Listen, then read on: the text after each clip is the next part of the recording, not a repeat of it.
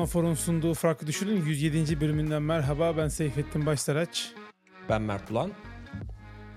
Ee, Mert geçen bölümü kaydettikten sonra sesim kısıldı bak daha yeni düzeliyor. Hı hı. Bölümle bir alakası yok ama ya benim ara ara öyle ses kısılıyor işte. Artık kronik faranjit diyorlar. Ee, alıştım bu duruma. Yeni yeni geliyor yani sesim. Bir de oyun oynadık ertesi günü kayıttan sonra. Oyunda da çok ateşli maçlar vardı. Ya şimdi hile yapıyor karşı taraf. Hile yaptığında şeyden anlıyoruz. Bir Kill cam var ya bizi vurduktan sonra Hı hı. adamın görüntüsünü görüyorsun. Şimdi adam seni böyle duvardan izliyor. Sen duvarın arkasındasın. Böyle takip ediyor adamın şey imleci. Sen duvardan çıktın gibi direkt kafana vuruyor. Hiç şey yapmıyor yani. Böyle Birebir seyrediyor. Hı hı. Oralardan anlıyorsun işte e- şeyi var, aimbot var. Duvarın arkasını görüyor, takip ediyor falan. Ve artık çok fazla olmaya başladı. O maçta da artık adam iyice dalgaya vurmuştu. Karşı taraftaki hile yapan bir tane eleman vardı. Ee, zıplayıp dönerek böyle 180 derece headshot falan vuruyordu sniper'la. İyice saçmalamaya başlamıştı yani.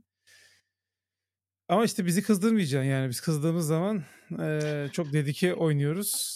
Ucu ucuna da olsa yendik. Sonra ben game chat'e bağlanıp İngilizce eee, bütün şeyi küfür tedrisatını boşalttım elemana. Bir şey de diyemedi yani. Dut yemiş bülbüle döndü. Sonra da zaten çıktım chatten. O günden sonra iyice gitti sesim. Eee, yani hile yaparak ne yapmaya çalışıyorlar hiç anlayabilmiş değilim açıkçası. Hı hı. Ama bizim e, Dubai'ye gittiğimizde Hindistan'da orada bir mümessil var Dubai'de yaşayan. O şey dedi yani. Hilesiz nasıl oynuyorsunuz ki falan dedi. Hile onun için gayet normal bir şeymiş. Ee, biz de şey dedik yani. Asıl hileli nasıl oynanıyor yani falan. Sonra çocuk şey dedi. Ben dedi işte hile alıyorum dedi. Hileye dedi 20 dolar para veriyorum dedi. Sonra dedi o hileyle dedi yayın açıyorum dedi. Yayından dedi şey topluyorsun dedi yani 100 dolar 150 dolar dedi para kaldırıyorsun dedi. Öyle platformlar varmış. Yani hile parasını çıkartıyor falan dedi. Dedim vallahi hiç aklıma böyle bir şey gelmemişti yani. İyi oynuyor zannediyorlarmış hile ol- olunca. Hı. Ee, varmış hatta konsolda da varmış hile. O da bir acayip. Allah Allah.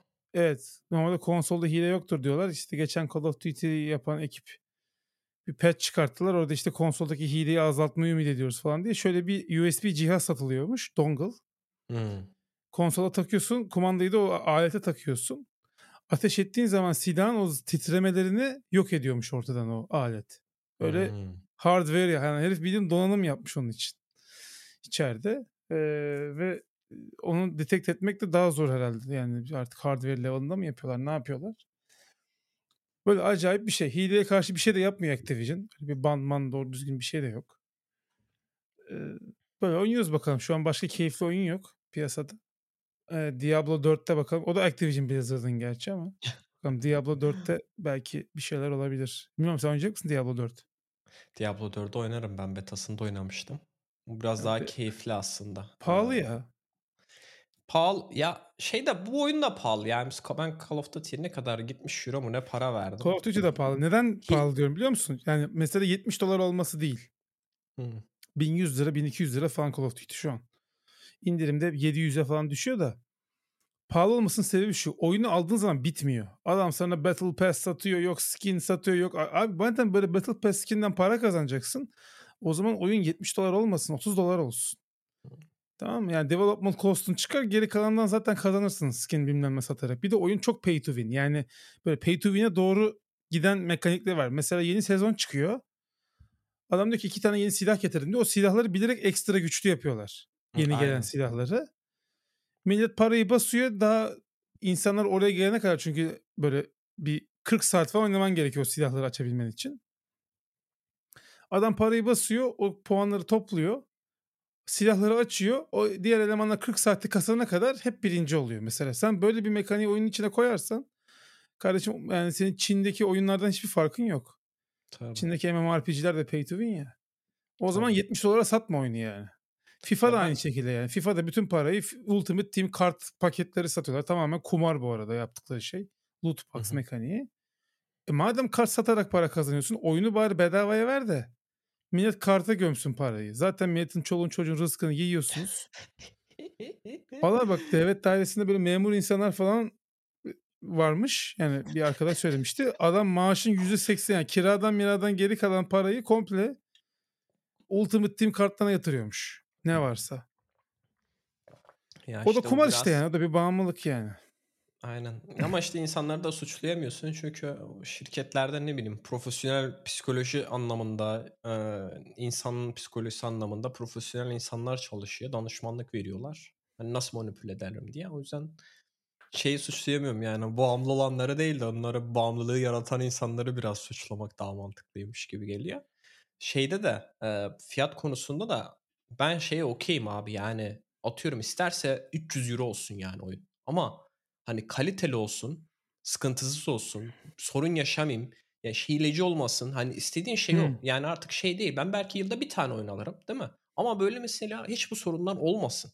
Yani bağlantı sorunu olmasın, işte bahsettiğim sorunlar olmasın. Ben ona okeyim ama sen şimdi işte 70 euro veriyorsun.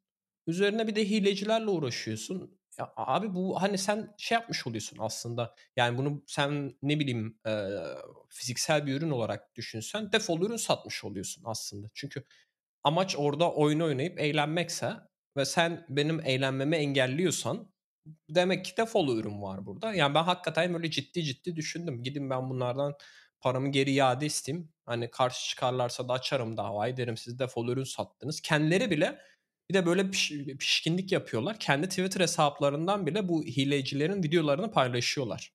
Sanki şeymiş gibi. Abicim yani utanır insan yani git düzelt. Yani ben kendi şeyimde bile mesela bir ürün geliştirdiğimde bir sıkıntı çıktığında utanıyorsun yani. Biz işte daha önce bahsetti mi bilmiyorum. Bu Shop AI'yi tasarlarken bir sürü accessibility sıkıntısı varmış. Hiç dikkat etmedik tabii. Şirketteki accessibility ekibi de e, hemen bir böyle test etmiş. İşte o farklı kategorilerde işte e, accessibility testleri var. Utandım ya böyle dedim yani dedim nasıl iş yapmışım. Ee, şey yapıyorsun kötü hissediyorsun yani hani Web'de belli biraz bir insanın, daha zayıf sanki insanın, accessibility şeyi. Aynen. Yani hani o his insanlarda yok mu? Ben onu merak ediyorum. Ben de hep oluyor ya diyorum bir an önce fixleyim istiyorsun çünkü insanlar daha fazla hani acı çekmesin görmesin o sorunu diyorsun. Bir sorumluluk hissediyorsun ama bu arkadaşlar pişkin pişkin e, hilecilerin videosunda kendi Twitter hesaplarında paylaşıp etkileşim almaya çalışıyorlar. Yani çok saçma yani. Bir de bunun üzerine hani para bedava olsa hadi neyse derim ama işte biz para vermişiz yani. Hani 70 euro da az bir para değil yani. Ee, o yüzden ben biraz şeyim şikayetçiyim. Yoksa deseler ki al 300 euroluk oyun deseler çok kaliteli, grafikler üst seviyede, hiçbir şey her şey 120 FPS'de oyunu oynayabiliyorsun.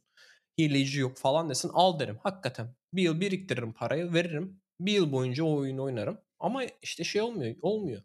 Ee, şeyde belki biraz mesela ben hep orada aklıma Warcraft geliyor. Başka bir oyun bilmiyorum çünkü. Onda mesela ne güzel aylık abonelik veriyorsun değil mi yani? Hani o biraz daha nasıl diyeyim bazı insanları uzak tutuyor e, bazı şeylerden ve oyunu öyle bir tasarlıyorsun ki hani nasıl diyeyim o insanları çekmiyorsun. Bir de oyun böyle nasıl diyeyim hani böyle bir kazanma noktası olmuyor. Çünkü işte Call of Duty'de ne oluyor? Hani kill sayına bakıyorsun. Orada seni tatmin edici bir şey oluyor. O maçı kazanma var tatmin edici bir şey oluyor ama hani World of Warcraft'ta maksimum işte ne bileyim itemlar biraz şey oluyor. Değerli oluyor ama Hani o item olmasa da aslında keyif alabiliyorsun. Yani benim öyle arkadaşım vardı. Oyunu açıyordu.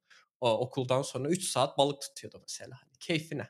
Orada farklı farklı balıkları yakalamaya çalışıyordu. Bu tarz şeyler yapabiliyorsun. Onu anlayabiliyorum. Hani ben ona da okuyayım. Yani ayda vereyim 15 euro falan. Ama işte böyle oyunlar çıkmayınca ben biraz şey oluyorum. Yani param var.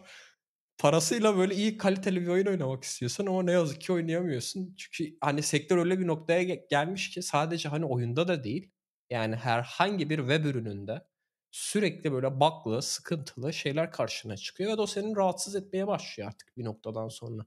Yani niye ben bu sorunları yaşıyorum diye. İşte bizim kullandığımız bu Zencaster'da da aynı şekilde. Yani sıkıntısız ürün illa bir şey eklemek için yani şey yok, sınır yok abi.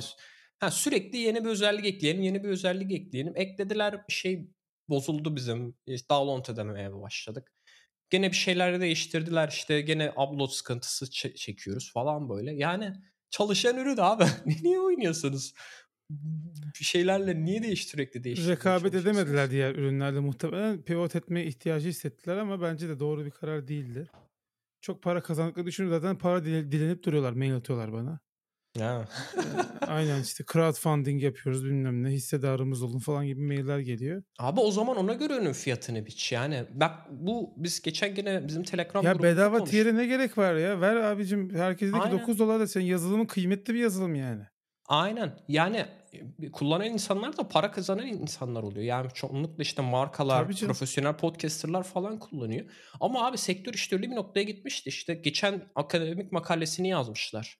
Evet, bu konu üzerine işte e, Uber, Bird, e, Lyft, WeWork bu tarz şirketler nasıl aslında bir sistem yarattıklarını aslında oradaki amaç ilk yatırımcılardan olabildiğince yatırımı toplayıp ilk yatırımcılar daha sonra ya halka arza ya da işte son yatırımcıyı bir şekilde e, yüksek bir yatırım alarak exit etmelerini amaçlayan ve günün sonunda sadece kendilerinin daha çok para kazanması sağlayan saçma bir sistem ortaya çıkarttılar. Yani mesela işte WeWork'a falan bakıyorsun abi.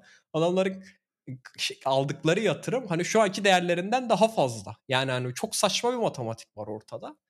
Ee, orada hatta şey diyorlar neydi millennial lifestyle subsidy diyorlardı. Ee, yani hani öyle bir ekonomi çıkarttılar ki çünkü işte herkese bedavadan veriyorlar. Ucuz veriyorlar ya da indirimli veriyorlar. Abi yani yap ortaya bir ürün çıkart. Fiyatı neyse koy fiyatını. Sen de karlı ol. Çünkü hani biz kullanıyoruz.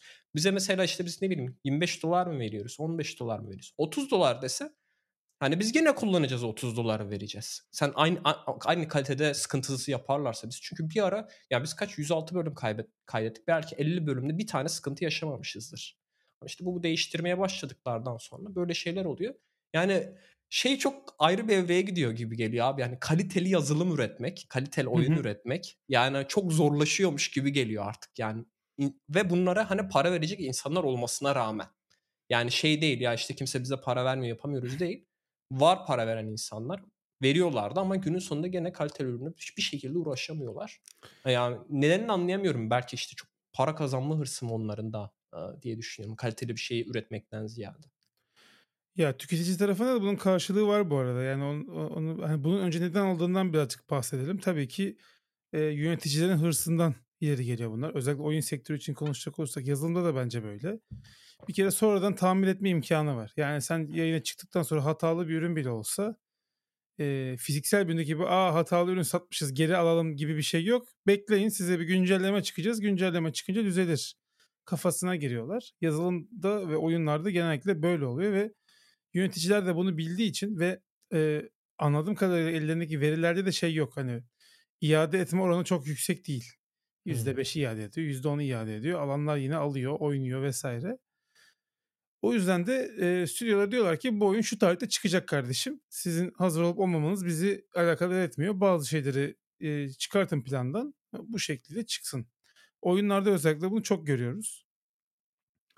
E, yani Cyberpunk çok büyük bir örnek Hmm. olarak veriliyor ama Cyberpunk'a gelene kadar da bir sürü oyunu ben hatırlıyorum yani e, bug'lı ve eksik çıktığını.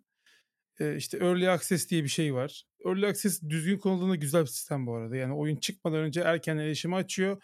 İçerik daha az oluyor. Onun gerçekten böyle early adapter dediğimiz hayranı olan insanlar oyunu oynuyorlar. Daha sonra onlardan toplanan feedbackler ve raporlar doğrultusunda yani bug'lı bir oyun değil de daha e, az e, özelliği olan bir oyun diyelim. E, daha sonra diyorlar ki işte 1.0 sürümünü şu tarihte çıkartacağız diye duyurup sonra 1.0'a geçiriyorlar. E, early adapter'lara test ettirmiş oluyorlar uygulamayı.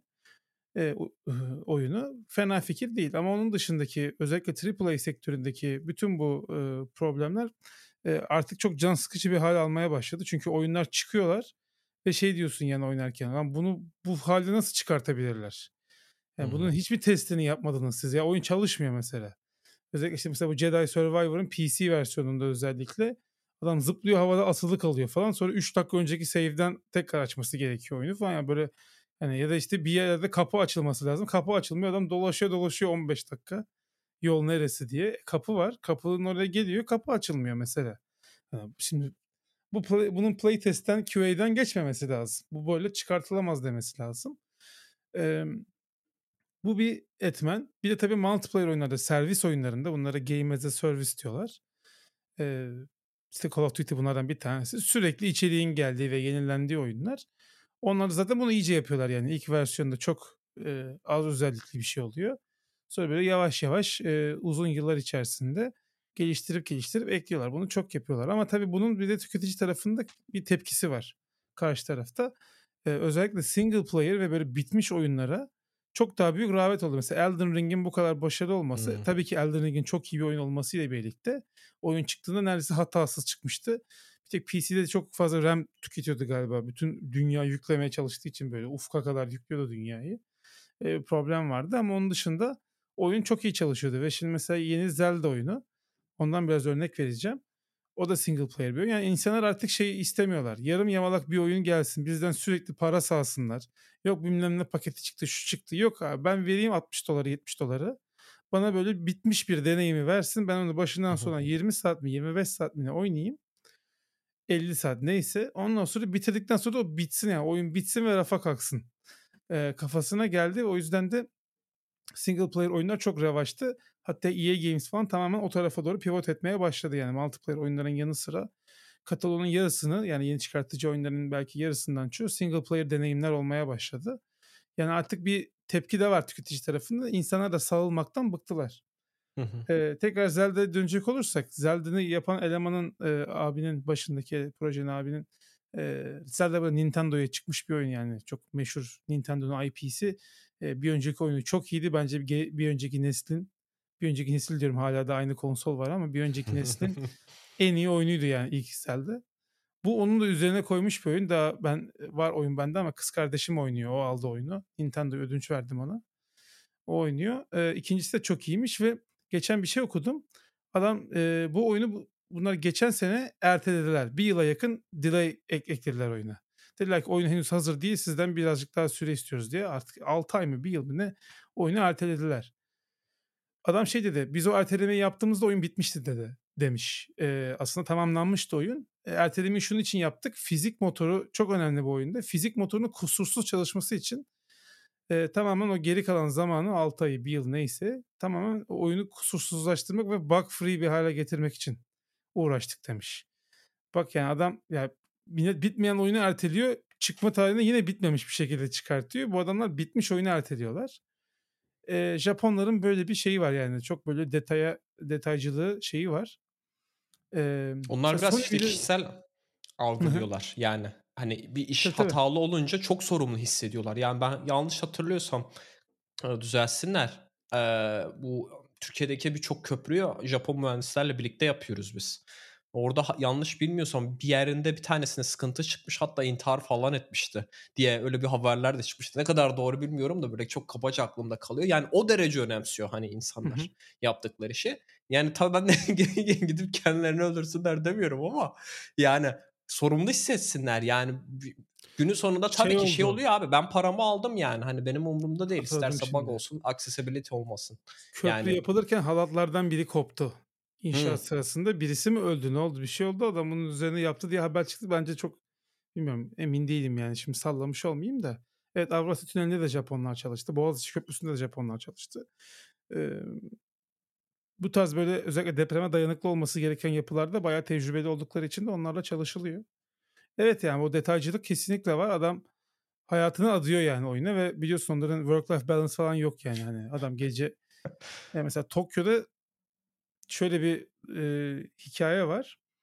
Belli bir saatten sonra toplu taşıma da kalmadığı için ve insanlar geç saatlere kadar ofislere çalıştığı için e, bu coffin otel diye bir şey var. Tabut gibi oteller böyle. Yani eve gidemiyorsun. Direkt e, ofisin orada bir tane coffin otele gidiyorsun. Sadece bir insanın yatabileceği kadar böyle bir e, tabut kadar bir yer yani. Yanına iki Uf. çanta manta koyabileceğin alan var böyle. Orayı kiralıyorsun. Çok da ucuz zaten böyle şey gibi. Distopik e, bilim kurgu şeyi gibi. Odası gibi bir yer. E, bakarsınız internetten. Oraya girip yatıyorsun ama Japonlarla ilgili orada çalışan e, tanıdıklarım vardı benim. Biraz relax çalışıyorlarmış. Yani geç saate kadar kalmalarının sebebi biraz oymuş. Yani gün içerisinde işte öğle uykusu falan mesela herkes yastık çıkartıp uyuyormuş. Hemen hemen Hmm. herkes. Masaya koyuyor kafayı uyuyormuş vesaire. Öyle uykusu kavramı falan da var. Ama tabii ki yani iş işkolik oldukları bir gerçek. Ee, bir de babadan oğula meslek geçişi diye bir şey varmış orada. Mesela Toyota'da kontrol mühendisi olan bir adamın oğlu da Toyota'da kontrol mühendisi olmuş. Böyle bir babadan oğula geçen bir şey de varmış. Çok değişik bir kültürleri var. Neyse oyun kısmına tekrar dönecek olursak yani söyleyeceğim Ya şey orada olursa. dur dönme de şeyde de hatırladım ben. Ee, bu Eugene Levy'nin bir tane programı vardı Apple TV Plus'ta. Orada da Tokyo'ya Tokyo'ya gidiyorlardı yanlış hatırlamıyorsam. Orada adam şey diyor yani işe gidiyorlar. işten sonra bara gidiyorlar. Bara da gene patronla falan gidiyorlar. Hani böyle Hımm. şey de değil. Sen normalde atıyorum burada e, işten çıkarsın arkadaşlarına gidersin bir yerde oturursun. Kahveye gidersin değil mi? Kafeye gidersin oturursun. Onda yok. Patronla gidiyorsun oraya da. Biz bir biz bir aileyizin vücut bulmuş hali yani. Aynen. Eee, çok değişik kültür. Japon kültürü, eee, hakikaten böyle incelenecek, okunacak bir kültür. Eee, ama neticede işte yani Zelda tarafında, eee, ve işte oyunlar tarafında böyle bir şey var ki yani bu yönetici tarafından geldi çok belli. Mesela Sony, Naughty Dog stüdyosuna, eee, Last of Us Part 1'in remake'i gelece remake'i PC'ye gelecekti. Dizi biter bitmez HBO'da hemen yayınladılar oyunu ve o kadar kötü bir porttu ki yani hani çok kötü yorumlar aldı. O aşırı problemli bir portmuş. İşte orada da başka stüdyo yaptı falan dediler ama değilmiş yani Naughty Dog bire bir ilgilenmiş.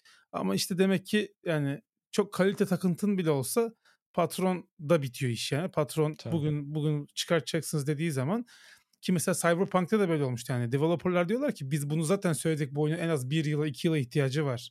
Daha bu oyun bitmedi istediğimiz noktada değil diye söyledik. Hayır bu oyun çıkacak diye yukarıdan emir gelmiş. Nasıl bitiriyorsanız bitirin demiş.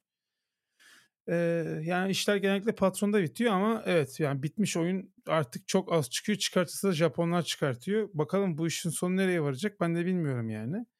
Eee yazılıma da inşallah sıçramaz. Gerçi yazılımda da çok hakikaten böyle eee, şey mantığı da var ya ne o böyle MVP diyorlar ama MVP işte öyle bir şey değil yani. Hani hani şey görseli var işte scooter, bisiklet, sonra araba falan gibisinden. E tamam işte scooter'ın her şeyinin çok iyi olması lazım. Aynen. Yani sen iki tane teker koydum deyip piyasaya çıkartırsan işte o scooter Bir şeyi olmuyor. çok iyi yapması lazım yani hani bu MVP. Hani Özelliklerin çok iyi çalışması ve kullanıcı deneyiminin çok iyi olması lazım. Aynen. Eee, bunları sağladıktan sonra MVP oluyor. Yani feature set az olabilir. Ama eee, yaptığı işi çok iyi yapması lazım. Bizde böyle şey yani alfa diyebileceğimiz seviyede işi piyasaya sürüyorlar. Product Hımm. Hunt'ta oy dileniyorlar. Çıkıp. Ya beni o kadar çok darlıyorlar ki mesajla. Abi işte artı bir verir misin? Abi ben be- Abi beğenmediğim ürüne niye artı bir vereyim ki yani? ya çok büyük ben de bakıyorum yani önüme düşüyor o tarz şeylere. Şeyi kimse umursamıyor abi. Tasarımı kimse umursamıyor. Ben ona çok deli oluyorum. Yani aşırı basit. Yani bazı hazır template'lerle falan bir şeyler yapıyorlar. O beni çok şaşırtıyor abi. Yani çünkü şeyi düşünmüyorlar. Bak bu bir, bir, bir, bir kere çıkacaksın değil mi? Product Hunt'a launch edeceksin. Belki birinci bitireceksin. Yani hani olabildiğince ben mesela hani dediğin gibi 10 tane özellik olmasına gerek yok. Bir tane özellik olsun. Ama çok iyi çalışsın ama çok güzel görünsün. Ondan sonra çık milletin aklında yer edinsin. Hani tasarımıyla, şeyiyle falan. Ben şaşırıyorum ona yani o kadar özen gösterilmemesine. Konu tasarıma gelince ben bile mesela projemi yapıyorken direkt hani tasarımcıyı ortak ettim ben yaptığım işe. Arkadaşım Hmm. zaten. Ee, niye? Önemli abi çünkü yani hakikaten e, şey değil artık yani teknolojiyle ön, ön plana çıkmaktan ziyade artık bazı yerlerde tasarımla ön plana çıkıyorsun. Yani işte lineer biz çok konuşuyoruz. Lineer aslında çok kabaca Jira yani hani yaptığı şey Hı o. Ama tasarımla ön plana çıkıyorlar yani farklılaşıyorlar orada. Evet. o yüzden hani ne zaman Product Hunt'la ilgili bir şeyler görsem bakıyorum hani fikir güzel ama işte execution kötü. Hani o zaman gene olmuyor yani. Ona da MVP diyemiyorsun yani abi o MVP değil yani. Aynen. Neyse yine sektörle ilgili serzenişimizi yaptıktan sonra şey demişken eee oy istemek demişken biliyorsun bizim Türklerin şeyi var. Eee, oy yarışına çok iyi giriyoruz biz yani. Dis- Disco Elysium muydu, Witcher mıydı? Hangi, hangi dile çevirelim bundan sonra diye anket yaptılar. ha. %95 bile Türkçe çıkmıştı. İnşallah oyunu da almışsınızdır oy veren arkadaşlar. Oyun Türkçeleştikten sonra. Çünkü Türkçeleşti resmi olarak ikisi de. Eee, çok da iyi oluyor bu arada. Mesela benim hanımın İngilizcesi yok. Ben oyun oynarken Türkçe altyazıyı açıp beraber oynayabiliyoruz. Hani hikayeyi de takip edebiliyor. Güzel oluyor. Ama işte şey demişken bugün güzel bir gelişme oldu. Ondan biraz bahsetmek istiyorum. Apple WWDC için özel bir sayfa hazırlıyor. Geçen sene de hazırlamışlardı. Beyond WWDC diye. Eee, ve resmi siteden gelip bakabilirsiniz. Aslında ben tabii bir süredir Apple'la görüştüğüm için bu konuyu e, biliyordum ama tabii dillendiremiyoruz, anlatamıyoruz ama orada e, benim de kurucusu olduğum e, İstanbul topluluğunun etkinliği, WWDC etkinliğinin şeyi geçiyor. Envanterde geçiyor öyle söyleyeyim. Yaklaşık 10-12 tane falan ülke var galiba toplamda. E, 10-12 ülkeden etkinlikler listeleniyor. Biz de girdik onun içerisine. Hı E, tabii böyle e, yani Avrupa'da birkaç ülke var. Brezilya var. Amerika'da var galiba. Japonya'da var. Böyle birkaç tane ülkede var yani özetle. Almanya Bunu- yoktu mesela. Almanya yok mesela. Hani öyle bir listeye Türkiye'yi sokabilmiş olmak, bunda bir Evet, payımın olması tabii ki beni aynen eee, çok e, gurur verici bir şey. Eee, 10 yıldır 9 yıl olmuş en İstanbul'un ilk etkinliğinden bu yana 9 sene geçmiş. Tam Mayıs'ta yapmışız 2014'te. Hı. Eee, o günden bugüne böyle sürekli düzenli bir şekilde etkinlik yapmanın meyvesi diyelim artık. Güzel oldu. Eee, özellikle birçok insanın da yabancının da bak Türkiye'de de topluluk varmış bunu böyle şeyler yapıyorlarmış dedirtebilmek bizim açımızdan Tabii. çok güzel. Umarım Apple'la ilişkilerimiz eee, oradaki sorumlu arkadaşlar da dinliyorlarsa Apple'la ilişkilerimiz inşallah daha da ilerler. Eee, beraber güzel şeyler yaparız. Bu tamamen Apple'la alakalı bir şey bu arada. Yani biz her zaman işbirliğine açıktık ama Apple tarafından Amerika'daki Apple tarafından eee, bu konuyla ilgili çok fazla bir eee, adım atılmıyordu. Eee, ama adımlar atılırsa, atılmaya devam ettikçe biz de eee, beraber çok güzel işler yapabiliriz. Eee, bu benim böyle günümü güzelleştiren bir bilgiydi. Eee, hatta yabancı WWDR, WWDR diye şey var. Worldwide Developer Relations. Apple'da böyle bir, bir departman var. Eee, yabancı bir arkadaş da LinkedIn'den ulaştı. Onun aslında biz bu link işini yürüttük. Eee onunla da muhabbetimiz ilerledi. Güzel bir yere doğru gidiyoruz. Hı hı. Eee, bakalım tanışmalar vesaire olursa da böyle ilerleriz. Çok çok sevindirici bir gelişme. Yani ben kendim açı, açımdan zaten seviniyorum ayrı mesele de genel olarak ekosistem açısından da çok Tabii. çok sevindirici bir şey. Eee, tanınıyor olmak Apple tarafından. Eee, onu da araya sıkıştırayım bilgi olarak. Yok abi iyi yaptın çünkü bu biraz şey gibi yani açıp mesela şey diye bir bakabilirler ya ama atıyorum Amerika'daki bir tane startup ya bize iOS developer nereden bulacağız dediğinde o gidip LinkedIn'de iOS developer aratıp bulmaktansa ya burada bir topluluk var. Hani bu Tabii. topluluğa üye olan kişi demek ki hani iOS'e ilgisi var deyip hani çat diye böyle bir sürü insana ulaşabilir. Hani sen sadece nasıl diyeyim kendi yaptığın bir işin ön plana çıkmasıyla e, sevinmiyorsun. A- ayrıca bir sürü insana da belki dolaylı yoldan, çok dolaylı yoldan belki ileride iş imkanı olmasını sağlıyorsun. Onlar da aslında ön plana çıkıyor. Ya da işte senin sponsorun da ön plana çıkıyor. Sana e, mekanı veren sponsor da ön plana çıkıyor. Tabii. Yani Apple'ın sitesinde yer almak bence e, bir marka değeridir diye düşünüyorum ben açıkçası. Tabii Orada işte çok böyle hardcore hani Apple takip eden insanlar ziyaret ediyor. Bakıyor yani orada neler varmış diye.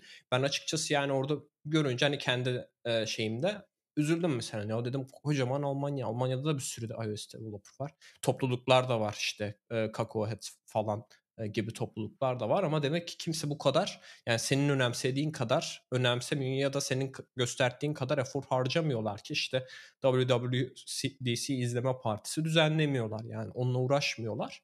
Ee, o yüzden yani bence bayağı önemli bir gelişme ve bu daha çok işte hem dediğim gibi yani dışarıdaki ülkelerdeki şirketlerin ilgisini odağını çekecektir Türkiye'ye karşı. Çünkü mesela şeyde artık bilinen bir e, ülke olduk e, oyun geliştirme konusunda.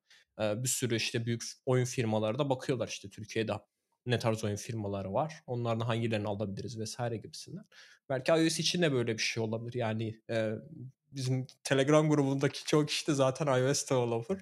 Var yani hakikaten iyi iOS developer geliştiricilere. Apple da bunu çok önemsiyor. Özellikle işte yeni gelişmeler, yeni platformlar duyurdukça e, muhtemelen daha çok kişi aslında bu sektöre girecek. E, o açıdan da çok bence güzel bir gelişme diyebiliriz. Tabii oyun konusunda birkaç tane firma dışında çok kaliteli oyun çıkmıyor maalesef Türkiye'den. Biraz biraz hyper casual'a fazla abanıyoruz. Yani adam 60 tane oyun yapıyor. Hepsine Instagram'a reklam basıyor. Reklamın gördüğün şu hangisinde fazlaysa diğerlerini kapatıp ona abanıyor. E, ama oyuna bakıyorsun. Yani bana Instagram'da sürekli oyun reklamı çıkıyor. Üç tane adam koşturuyorlar. Bir duvardan geçince ikiye katlanıyor. Altı adam oluyor. Düşman taraya taraya böyle saçma sapan oyunlar var. Bir, şimdi Hmm. Kesin denk gelenler Denk vardır geldi. dinleyenler. e, dinleyenler.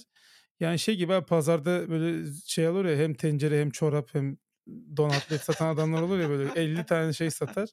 Hangisi tutarsa yani. Biraz o kafadayız.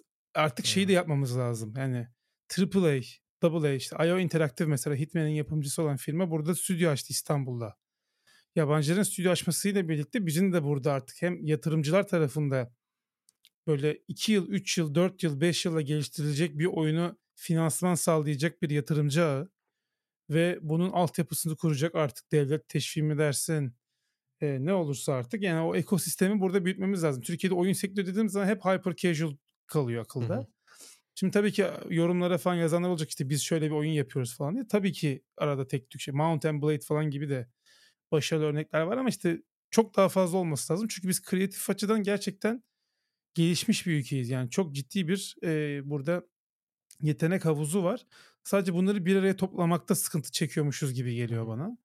Hı hı. Ee, bir araya toplayabilen zaten alıyor gidiyor. Benim çok fazla oyun geliştirici arkadaşım var. İşte EA Games'de çalışıyor biri, biri Ubisoft'ta çalışıyor. Hepsi böyle farklı yerlere gittiler. Abi ki yani bu insanları buraya toplayacak, onları cebini dolduracak, tabiri caizse onlara finansman sağlayacak, refah sağlayacak bir ortam olsa Tabii. e, burada çok çok büyük işler yapabiliriz. O potansiyel fazlasıyla var bizde. Oyun Aynen. oynamayı da çok seven bir ülkeyiz bu arada. Yani e, evet oyun satışları düşük. Herkes ucuzuna ya da korsanına gidiyor. Farkındayım. Ama oyun oynama konusunda yani yayıncılara falan da bakarsan Türkiye'de Twitch'te en çok seyredilen galiba 10 kadın yayıncıdan bir tanesi Pelin. İşte Türkiye yani Türkiye'den hani e, ve, hani oyun yayıncılığı yapıyorlar. Oyun dışı yayıncılık zaten var mı abi? Onlar OnlyFans falan değil mi? Oyun dışı yayıncılık.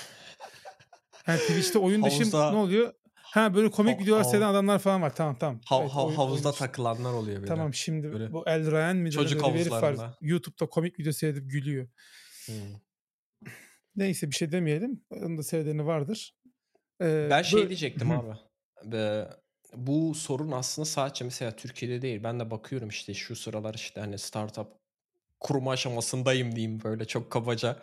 Ee, sektör nasıl falan diye bakınca yani hakikaten Amerika öyle bir domine ediyor ki bütün pazarları bu dijital s- sektörler işte oyun sektörü olsun işte internet sektörü olsun teknoloji sektörü olsun yani hakikaten ya diğer ülkelerden büyük işler çıkamıyor bir türlü. Bu çıkamamasının nedeni senin dediğin gibi yeteneklerin ol- olmaması değil bir şekilde yani sistem onu o işlere çıkmasını e, imkan tanımıyor. Yani işte ne bileyim yatırımcısıdır belki ya da işte bi- birileri risk alıp girmek istemiyordur. Yani ben mesela şeyi gördüm abi aşırı şaşırdım ya işte bir tane e, grafik paylaşmışlar. Almanya'daki internet şirket 1 milyar doların üzerinde de- değeri olan e, internet şirketlerinin toplam değeri 46 milyar dolar diyor ya. Abi 46 milyar dolar Amerika'da belki bir tane çok basit bir tane ne bileyim Denver'daki startuplar daha fazla şeydir, değerlidir Abi yani. yani aynen. Yani bu- bunu ben duyunca mesela çok çok aşırı şaşırdım. Yani Almanya diyorsun, şey yapıyorsun. En büyük şirket neymiş abi biliyor musun Almanya'nın? Hani ha- halka az, halka az olmuş şirket. SAP. yani hani O da büyük okey, ama.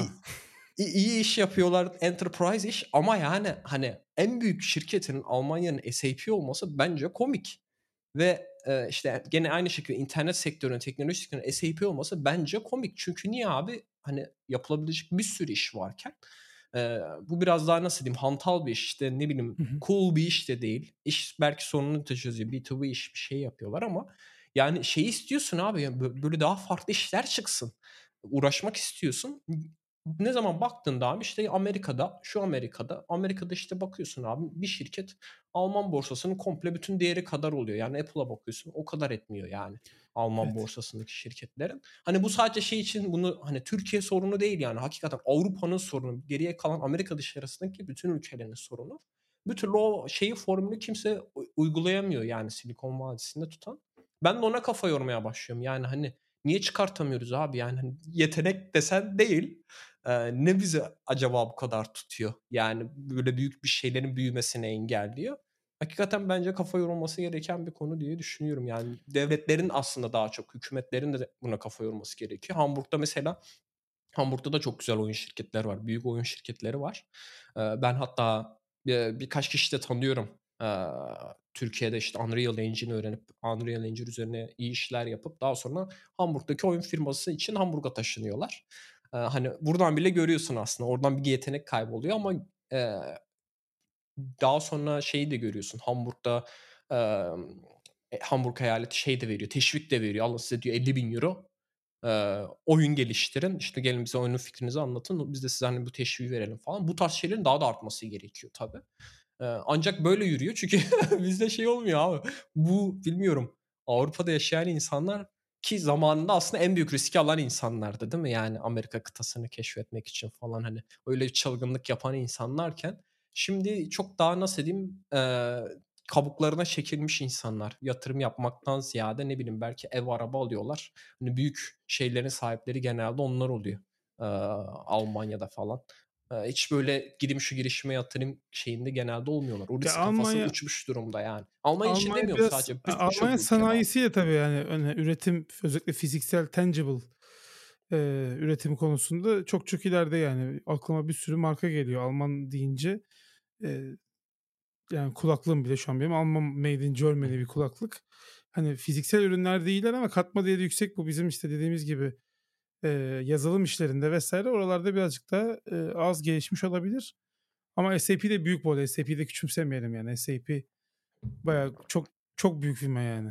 Çok IBM kadar de olmasa bile IBM'e Aynen. yakın büyüklükte bir firma. Abi yani SAP danışmanlarından ordu kursan Avrupa'yı fethedersin yani. Gerçi ne kadar Ya de savaşabilirler abi işte bilemiyorum ama. Ya şey istiyorsun abi en büyük şirket nasıl diyeyim hani son kullanıcıya ürün üreten bir şirket olsun istiyorsun. Böyle bir internet şirketi olsun istiyorsun. Tek, cool teknoloji şirketi olsun istiyorsun ama böyle sıkıcı ne bileyim takım elbiseyle dolaşan SAP danışmanları o, olmasın istiyorsun. Yani onları da tabii şey yapmak için söylemiyorum. Şakasına SAP dükkanı da. kapattık falan dese böyle ülke ekonomilerine delik açılır yani kocaman. Tabii tabii. Yani aş- aşağılamak için söylemiyorum ama yani Yok hani diyeceğim. o potansiyel olduğu için yani çünkü abi günün sonunda bakıyorsun var abi yani yetenekli var ama Amerikan şirketlerinin Almanya'da yaşıyorlar ama Amerikan şirketlerinde çalışıyorlar. Yani katma değer o zaman gene Amerika'ya gitmiş oluyor. Ee, o biraz benim şeyimi böyle canımı sıkıyor aslında. Niye hani bizde de kimse risk alıp böyle büyük şirketler çıkartmıyor diye. Herkes e, Amerika için çalışıyor. Biraz şey geliyor yani açıkçası. Ama o ilk başta konuya dönecek olursak Amerikalıların bedava verebilme gibi bir ekosistemi var. Yani adam öyle bir milyar dolar yatırım alıyor Hmm. ki işte Snapchat, Facebook, Instagram bunlar hiç üyeli, üyelik olmayan, hiç ücret almadıkları tamamen ilk başta reklam bile yoktu Instagram'da. Reklam çok sonradan geldi Instagram'a. İşte onu mesela kompanse edebilecek, onu e, karşılayabilecek finansal ekosistem var adamlarda. Yani ben mesela App Circle'la çalışırken yatırımcılarla konuşuyordum. Adam dedi ki biz 8 milyon dolardan aşağı yatırım yapmıyoruz. Benimle 2 sene sonra görüşün diyordu adam. Oğlum 8'i veren 2'yi de verir yani. Sen şimdi niye böyle reddettin ki? Yok abi adamın şeyi o yani. Adamın skalası o. Adam 8'er dağıtıyor. Hmm. Ee, ya burada 8 veren hani teyze baby diye bir tane kat- karikatür vardı ya PlayStation almış. Neyse anlayan anladı. Ee, o- modda takılırsın yani. Adam orada şey yapıyor. yani ben 8 veriyorum daha aşağısına gelme bana falan diyor. Yani öyle bir ekosistem kurmuşlar. Öyle olunca da pastanın payını onlar alıyor. Yani Instagram bedava olmasa 3 dolar olsa en başından itibaren Instagram'ın şu an kaç kullanıcısı vardı? Allah aşkına yani Tabii. hiç. Hiç kimse kullanmazdı. Bugün desek Instagram ben artık paralı yapıyorum diye bir anda Türkiye'deki kullanım %98 falan düşer. Bu çok kötü bir şey bu arada onu da söyleyeyim. Hem insanları bağımlı hale getirdin ve insanlar artık şey her şeyin bedava olmasını bekliyorlar. Hmm. Ee, Birçok konuda her şeyi bedava beklemeye başladı insanlar. Sadece yazılımda değil hayatta da her şeyi bedava beklemeye başladı. Hatta işte senden mesela bir hizmet istiyorlar. Adam para isteyince ne bir de para mı istiyorsun falan diyenler oluyor. İyice arsızlaştı insanlar. Halbuki eski yöntemle olması lazımdı yani. Benim elimde bir mal var. Sen bunu kullanmak istiyorsan al sana para. Ya bu sosyal medyayı biz yanlış yaptık insanlık olarak. Sanki hiç yapmasaydık daha iyiydi yani. Bunu belki abi 200-300 yıl sonra hani tarihçiler geriye dönüp baktıklarında 50 nerede yıl hata sonra. yaptık? Ben şöyle söyleyeyim. Benim şöyle bir tezim var. Bundan 50 yıl sonra falan tarihçiler bu 2010-2025 arası neyse artık ne zaman bitecek bu iş bilmiyorum ama arasına baktığında insanın utanç yılı olarak falan görebilirler. Hmm. Eee, çünkü o kadar boş beleş meseleler üzerinden birbirimizle kavga ediyoruz ki bu Türkiye gündeminden bağımsız söylüyorum. Tüm dünya için söylüyorum. Yani eee, işte sen geçen bir tane şey attın bana makale attın.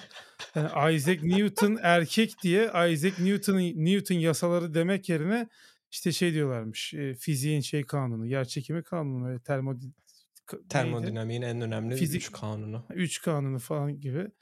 Ee, yani Newton ismini siliyorlar artık. Bu adam bulmuş artık a, a, adam beyaz diye. Ne yapayım abi şimdi yani? Ee, adam beyazsa. İşte aynen. Bu, aslında paylaştığım nokta şeydeydi. What's Our Problem kitabındaydı. Biz daha önce de bahsetmiştik. Ben işte chapter'ları okuyorum. Okudukça böyle komik bulduğum şeyler Kitap çok uzun arkadaşlar. Bayağı şey yani. Mesnevi Şerif gibi oku oku bitmiyor yani. ya bir de böyle biraz sıkıcı oluyor çünkü işte hep Amerikan şeyi ama biraz nasıl diyeyim reflekslerini geliştiriyor senin. Ee, hani senin önüne de yarın öbürsü gün getirirlerse aa ben bunu biliyorum. Hadi hmm. bay bay deyip hemen e- egale edebilmesin diye okuyorum. Edebilelim diye okuyorum. Yani o, o, orada okuduğum şeyler hakikaten çok şaşırıyorum. Yani orada kademe kademe anlatıyor. Örnekler de veriyor işte nasıl e, bazı insanların işte cancellandığı e, ya da işte işten atıldı. Yani adam yani illegal bir şey yapmamış abi yani hani günün sonunda. Araştırmalar yapıyor mesela bir tane adam işte kadın erkek arasındaki farkları e, anlayabilmek için. İşte diyor ki mesela işte kadınların okuma anlama şeyleri işte konuşma yetenekleri erkeğe oranla çok daha gelişmiştir diyor. Yani ama işte matematikte mesela işte bunu da şeyden söylüyor saat işte. Bilmem kaçıncı sınıfta çocukların yaptığı işte testlerden hani bakıyorlar hangisinde hangisi iyi diye. Böyle şey değil yani kafatasçılık falan yapmıyorlar yani. Sadece gidip araştırma aldıkları sınav sonuçlarını karşılaştırıyorlar. Hani böyle sonuçlar ulaşıyor. Ondan sonra oba sen işte e, erkekler şeydir, e, superior'dır kadınlara demek mi istiyorsun diye adamı linç ediyorlar ve bütün bu şeyler, e, gazeteler, e, haber siteleri falan. Niye abi? Çünkü e, tık getiriyor bu tarz şeyler. Engagement yaratıyor. Etkileşim yaratıyor. Onlar da o adamın üzerine yükleniyorlar. Normalde mesela bu araştırma çıkmadan önce okul destekliyorken tabii hani yayınlayın falan bu makaleyi falan diyorken araştırma bu linç geldikten sonra adamı çat diye kovuyorlar. yani öyle bir hal oldu ki yani insanlar artık böyle nasıl diyeyim başka şeylerle uğraşıyorlar. Kimi linçlesek bugün diye uğraşıyorlar işi yapmaktansa ya da sonuca bakmaktansa ya da işte e, şeylerden çok bahsediyordu. O benim daha da böyle şaşırttı. İşte üniversiteye normalde işte sen e, merak ettiğin insanları davet edersin değil mi? konuşmacı olarak gelir konuşur hmm. tartışırlar ya da tartışma ortamı oluşturursun. Ee, seninle aynı fikirde olmak zorunda da değildir. Hani farklı bir fikir. Tabii canım. Üniversitenin amacı odur değil mi? Yani sen orada farklı fikirleri aslında duymak istiyorsun. Ama yok. Yani bir grup insan bunlar baskı oluşturuyorlar. Konuşturtmuyorlar. Adam bazıları geliyor mesela işte bir tane kadın gene bir, bir şey bir alan üzerinde uzman.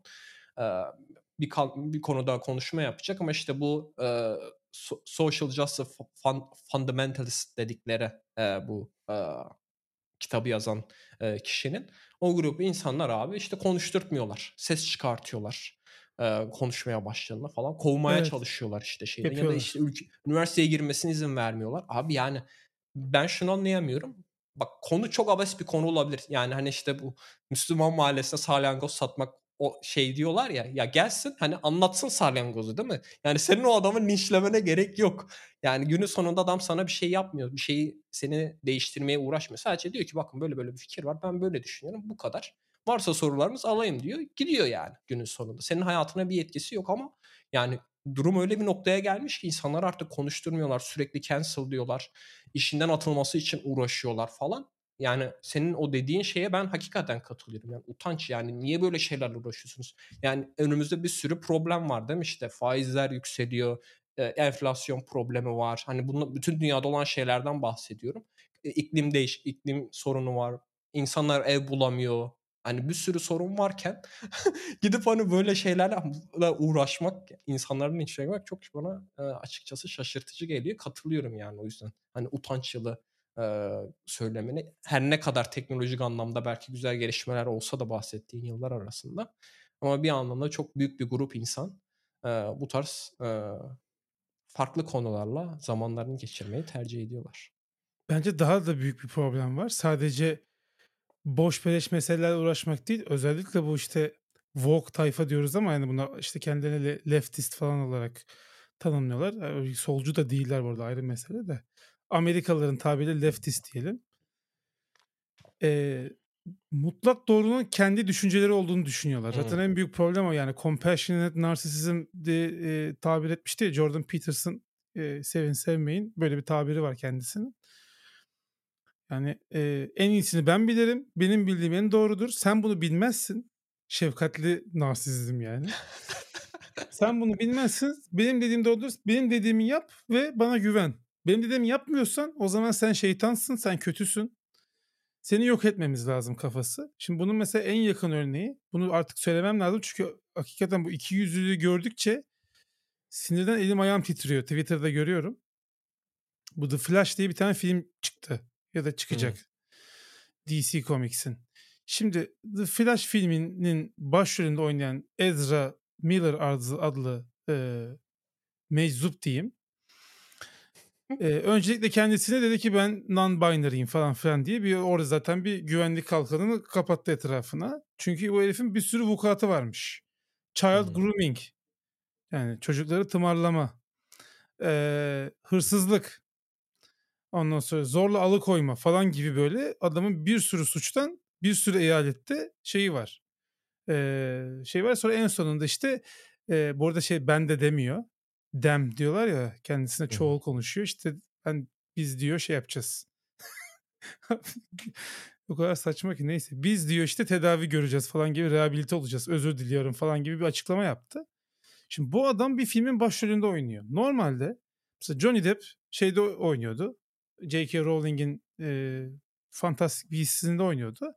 Bu Amber Heard olayı falan çıktığında kadın dedi ki bana böyle böyle bir şeyler yaptı falan filan. Pat diye adamı attılar projeden. İşte Karayip korsanlarından attılar falan. Her şeyden attılar adamı. E kardeşim burada sizin tamam adam Day'den bilmem ne de herif manyak yani. Sen niye filmi iptal etmiyorsun? Daha da kötüsü hadi DC'deki arkadaşlar filmi iptal etmediler. Oğlum sen madem dürüstsün şeysin social justice al justice'ı uygula işte filme gitme. Ya Stephen King mi kim birisi meşhur birisi ya Ezra Miller de böyle böyle yaptı ama film de çok iyi film. Onları artık göz ardı etmek lazım falan diye tweet atıyor. Oğlum sen manyak mısın lan? Senin o zaman nasıl bir inandırıcılığın var? Yani sen hep benim dediğim doğru, karşı taraf yanlış dersen, senin dediğin taraf yanlış yaptığında onun yanlış olduğunu söylemezsen senin bir inandırıcılığın kalmaz ki. Tabii. Kimse sana inanmaz. Ya benim için yani o yüzden bu böyle leftist tayfa falan filan ben bu adamların burada hepsini işaretliyorum.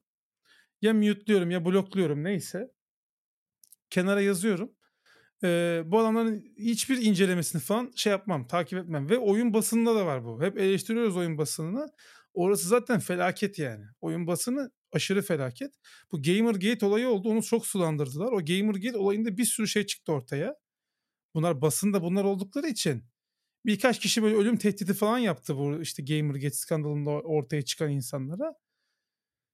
Ya dediler işte bak ölüm tehdidi var bilmem ne var falan filan. Bunlar faşist falan dediler kapattılar olayı. Halbuki Gamergate'de şöyle bir şey vardı. Oyun editörleri kendi aralarında bir mail grupları var.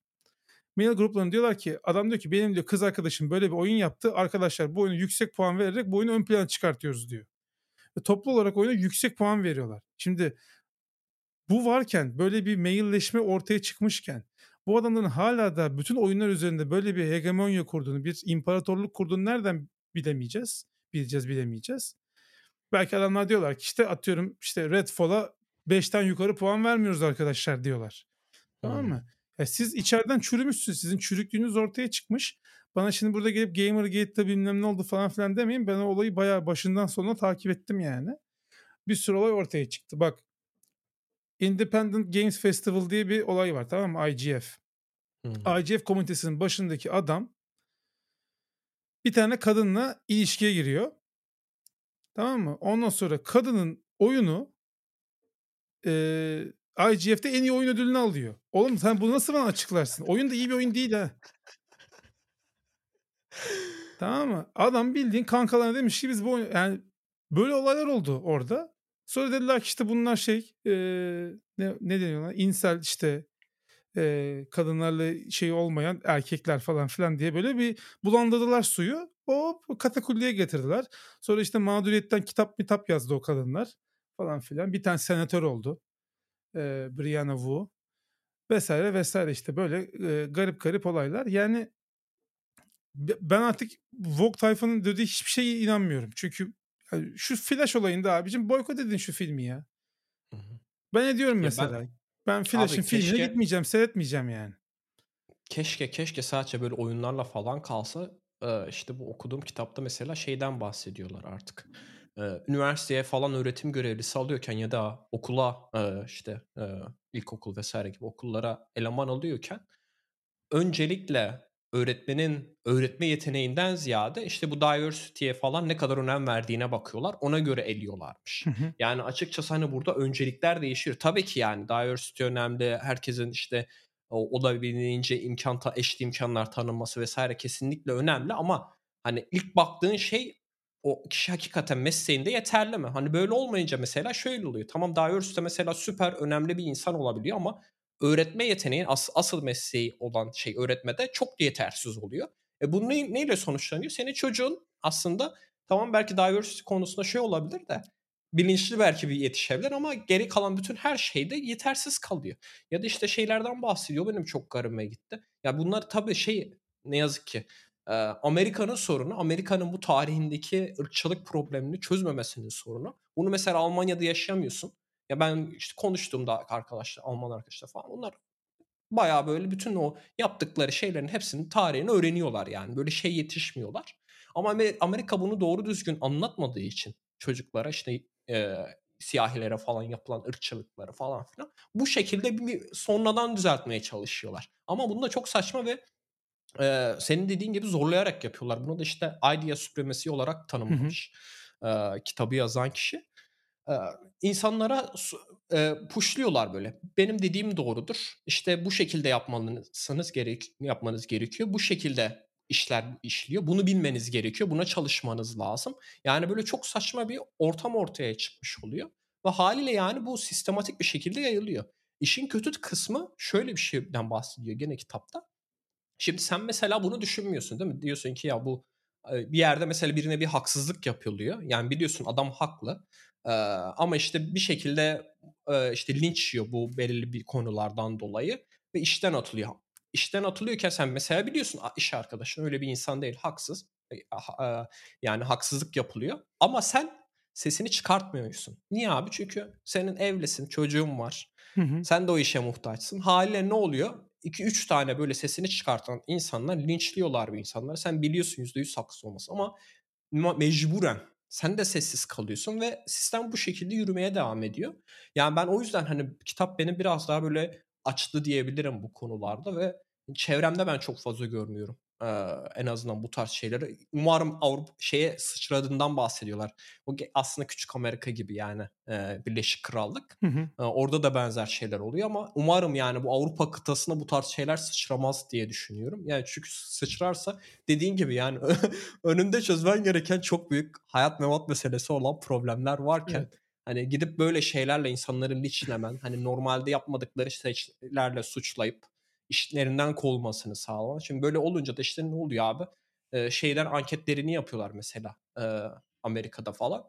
E, soruyorlar mesela e, öğretim görevlilerine hangi partilere bağış yaptıklarını falan öğreniyorlar. İşte %90'ı %95'i demokratlar falan çıkıyor. Yani hani ben burada şey değilim. E, Republikleri, cumhuriyetçileri savunan bir insan değilim ama yani hani şeyi temsil etmiyor, nüfusu temsil etmiyor. Nüfusun %50'si Republik, Cumhuriyetçilere oy veriyorsa, %50'si demokratlara veriyorsa senin de beklentin haliyle herhangi bir üniversitede aynı oranda insanlar olması. Hani burada da sen ne yapıyorsun işte kendi fikrini ön plana çıkartıyorsun ve kendi fikrini savunan insanların eğitim okulda eğitim vermesini istiyorsun ve çocuklar da gene o fikri savunan insanlar olarak şey o, e, büyümeye, gelişmeye başlıyor. Çok saçma bir yere gidiyor yani böyle okudukça ben şey diyorum ya iyi, ki Amerika'da yaşamıyormuşum. Hani iyi ki ne bileyim çoluğum çocuğu yokmuş Amerika'da okuyan diyorsun. Bir de hani işin daha da saçma yanı oradaki üniversitelere para veriyorsun. Yani sen para veriyorsun. Sana zorunlu olarak işte bazı dersler tutuyorlar ve şeyi de ölçüyorlar mesela. A- e, orada tabii her halükarda hani bu söylediklerim şeyleri akademik çalışmasını yaparak hani bu sonuçlar uğraşıyorlar. Ölçüyorlar, bakıyorlar. İşte diversity ve inclusion diye bir tane işte ders var. Öğrencileri üniversitede zorunlu tutuyorlar. Diyorlar ki bu hakikaten yararlı mı? Daha sonradan işte öğrencilerle anket yapıyorlar. Bakıyorlar hiçbir faydası olmamış mesela. Abi faydası olmuyorsa sen niye zorunlu tutuyorsun o zaman? Hani tam tersine böyle işte şey soruyorlar mesela işte karşıt görüşü anlattılar mı işte size e, diye soruyorlar. Yok anlatmıyorlar. Sadece tek bir görüş anlatıyorlar falan hmm. böyle. Çok hani böyle saçma bir yere gidiyor ve e, bizim insanlarım sadece bizim insanlarımız yani insanoğlu hani ekstra araştırma yapmadığı için de sadece orada öğrendikleriyle kalıyor Hı-hı. ve hiçbir şekilde karşıt görüş hakkında bir fikir sahibi olmuyor. Ya evet. tamam ben bir şeyi savunuyorum. Hani bu şey gibi yani bizim işte sürekli Apple övmemiz gibi. Hani ama biz ne yapıyoruz? İşte Google I.O.'yu da oturup seyrediyoruz yani. Hani biz bir üründe sürekli sürekli hani e, sadece Apple hakkında konuşup işte Google'ın orada ne yapmanı kalırsa saçma olur. Değil mi? Yani orada da işte bazılarının hakkını veriyorsun. Orada da hakkını veriyorsun. Yani sürekli ne iş yaparsan yap hep karşı görüşü yani bilimin şeyi getirisi bu aslında. Hani bilimsel düşüncenin şeyi budur. Sen olabildiğince kendi ortaya attığın tezi yanlışlamaya çalışırsın ki yani başkaları yanlışlamazsın senden önce. Sistem bu şekilde işler ama ne yazık ki işte bu bir grup insan tarafından sesleri çok fazla çıkan bir insan tarafından sadece kendi fikirleri aslında ortaya atılıyor ve onlar böyle insanlara zorla dinlettiriyor. Bak bu böyledir böyle olacaktır diyor. İnsanlar da hani katılmasalar bile okey diyor. Tamam diyor yani sen öyle diyorsan öyledir diyor. Çünkü onların da başka dertleri var yani işte geçir sıkıntısı falan diyor. Onları da şey yapamıyorsun suçlayamıyorsun yani. Tabii bir de bu pronoun mevzusu işte bana şöyle hitap et böyle hitap et mevzusu biraz dilin de kısıtlamasından dolayı. Çünkü İngilizce'de e, batı dillerinde hep dişil ve erkek hitap şekilleri var. He, she vesaire. Mesela Türkçe'de biz o diyoruz değil mi? Üçüncü Aynen. tekil şahıs var. Hani dişi ve erkek e, ayrımı yok. Yani Türkçe'de bu yüzden çok güzel övüyorlar bu arada. Hatta işte Aynen. Google'ın Translate'inde bias varmış işte erkek hmm. işleri he diye çeviriyor da kadınsı kadınlara atfedilen toplumda işleri de she olarak çeviriyor falan gibi bir durum vardı. Biraz dediğin de tabii limitasyonu var ama yani bu, bu kadar böyle artık bana emniyet artık şeyine falan Twitter handle'ının yanına yazıyor falan. Bana böyle deyin şöyle deyin falan filan gibisinden. Ee, çok garip bir şey e, tarafa doğru gidiyoruz. Bu arada tabii Johnny Depp'i de savunduğum anlaşılmasın onu da söyleyeyim. Yazarlar Çünkü, yorum diye. Sen ha, Johnny Depp savundun. ha, yani o, o davanın sonucunda zaten Johnny Depp şeyi kazanmadı benim bildiğim kadar. Sadece itibar zedelenmesine karşı tazminat kazandı diye biliyorum. Tam olarak nedir ne değildir bilmiyorum ama ya bu masumiyet karinesi diye bir şey var. Evet. Kardeşim sen git akla kendini. Akladıktan sonra da gel devam. Yani bir insanı işsiz bırakmanın şeyi yok. Ee, bir beis yok yani. Tamamen stüdyonun kendi kararıdır. Ama işte Ezra Miller yaptığında da DC yapacak onu. Yok efendim biz bu filme çok bel bağladık bilmem ne. Yok kardeşim. Sen git akla gel. Belki ondan sonra çıkart filmi yani. Ne yapayım? Ee, madem çektin bitirdin filmi yayınlayacaksın. Sonra yayınla de ki bu adam aklandı de. Aklanma ihtimali de çok düşük orada izlemiyor. Çünkü birden fazla suç var. Ve e, video görüntülü evidence'ı falan da var. E, sıkıntı yani hani böyle çift taraflı oynamayın yani kendi tarafınızdan şey birisi bir şey yaptığında onu aklamayın. Senin dediğin olay da bu arada yani bir echo chamber mevzusu çok fazla var. Hmm. Bu arada seçimden dolayı da biliyorsun Türkiye'de gündemi çok kalabalık. Ee, ve echo chamber örneğin çok fazla artık Twitter'da yani böyle dakikada bir falan görmeye başladık. Ee, herkes kendi duymak istediklerini duymak istiyor ya da duydukları olayları kendi anlamak istedikleri şekilde anlıyorlar. E, bunu bu arada taraf bağımsız söylüyorum tamamen e, objektif bir şekilde ama işte bu critical thinking mekanizmasını böyle kritik anlarda bile devreye sokmak lazım. Yani bir şey okuduğunuzda gördüğünüzde olan bunun ederi nedir? Bu acaba olabilir mi? Mantıklı mı? Falan diye e, şey yapıyorsun yani düşünmen lazım. İşte bugün bir Twitter hesabı böyle patlamış garip garip böyle tweetler atan falan. Millet diyor ki işte geri dönük atmışlardır tweet'i. Ya geri dönük tweet atılabiliyor mu diye bir araştır mesela anladın mı? Hani böyle bir şey imkan var mı? Biri video falan yapmış işte bilgisayarın tarihini değiştirince bilmem ne yapınca böyle bir şey olur mu abi? Bunun backend'i var. Backend'in bir saati var yani. Yani biz bunu biliyoruz kullanıyor. tabii de ama bunu diğer insanlar bilmiyorlar ve oradan sen ne yapıyorsun? İşte bir dezenformasyon yayıyorsun. Sonra insanlar tabii onların e, kulağına hoş geldiği için bir anda ona inanmaya başlıyorlar. İşte bu post-truth yani gerçeğin bir hikmetinin olmaması, kalmaması, bir hükmünün kalmaması olayına doğru çok hızlı bir şekilde gidiyoruz. E, bence de okullarda kesinlikle critical thinking'i anlatmaları lazım. Böyle controversial bir şeyleri mesela söyleyip çocuklara ondan sonra bunun doğru olduğunu düşündünüz değil mi? Aa gelin bakın bunu araştırdığınız zaman bunun böyle olmadığı ortaya çıkıyor gibi çocukları bence çok küçük yaşta vermemiz lazım. Ee, sonra büyüdükleri zaman e, hakikaten şey oluyor. Yani ben şöyle söyleyeyim Twitter'da artık böyle akıl hastanesi sınırında insanlar görüyorum öyle söyleyeyim yani. Ee, belki podcast'i dinliyor da. Yani isim tabii ki de vermeyeceğim. Ak- akımlığında değil zaten isimleri de. Ee, Amerikalıları çetelesini tutuyorum ama yani Türklerde biz birbirimizin yüzüne baktığı için çok şey yapmıyorum. Ama yani bakıyorum a, a, hakikaten sağlıklı değil. Bu kadar da artık kendinizi şey yapmayın. Evet çok önemli bir seçim. Her her taraf açısından çok önemli bir seçim. Ama yani bir şekilde hayat devam edecek yani. Trump kazandığında Amerika bitmiş gitmişti mesela. Yani Trump yani düşününce hani anladın mı? Trump Amerika'yı yönetecek. Hani hakikaten Amerikalıların da psikolojisini anlayabiliyorum bir noktada. Ee, FB'nin televizyonda showman bir adam yani ve hiç yönetim becerisi de olmayan bir adam. Ee, bir sürü skandala karışmış adı falan.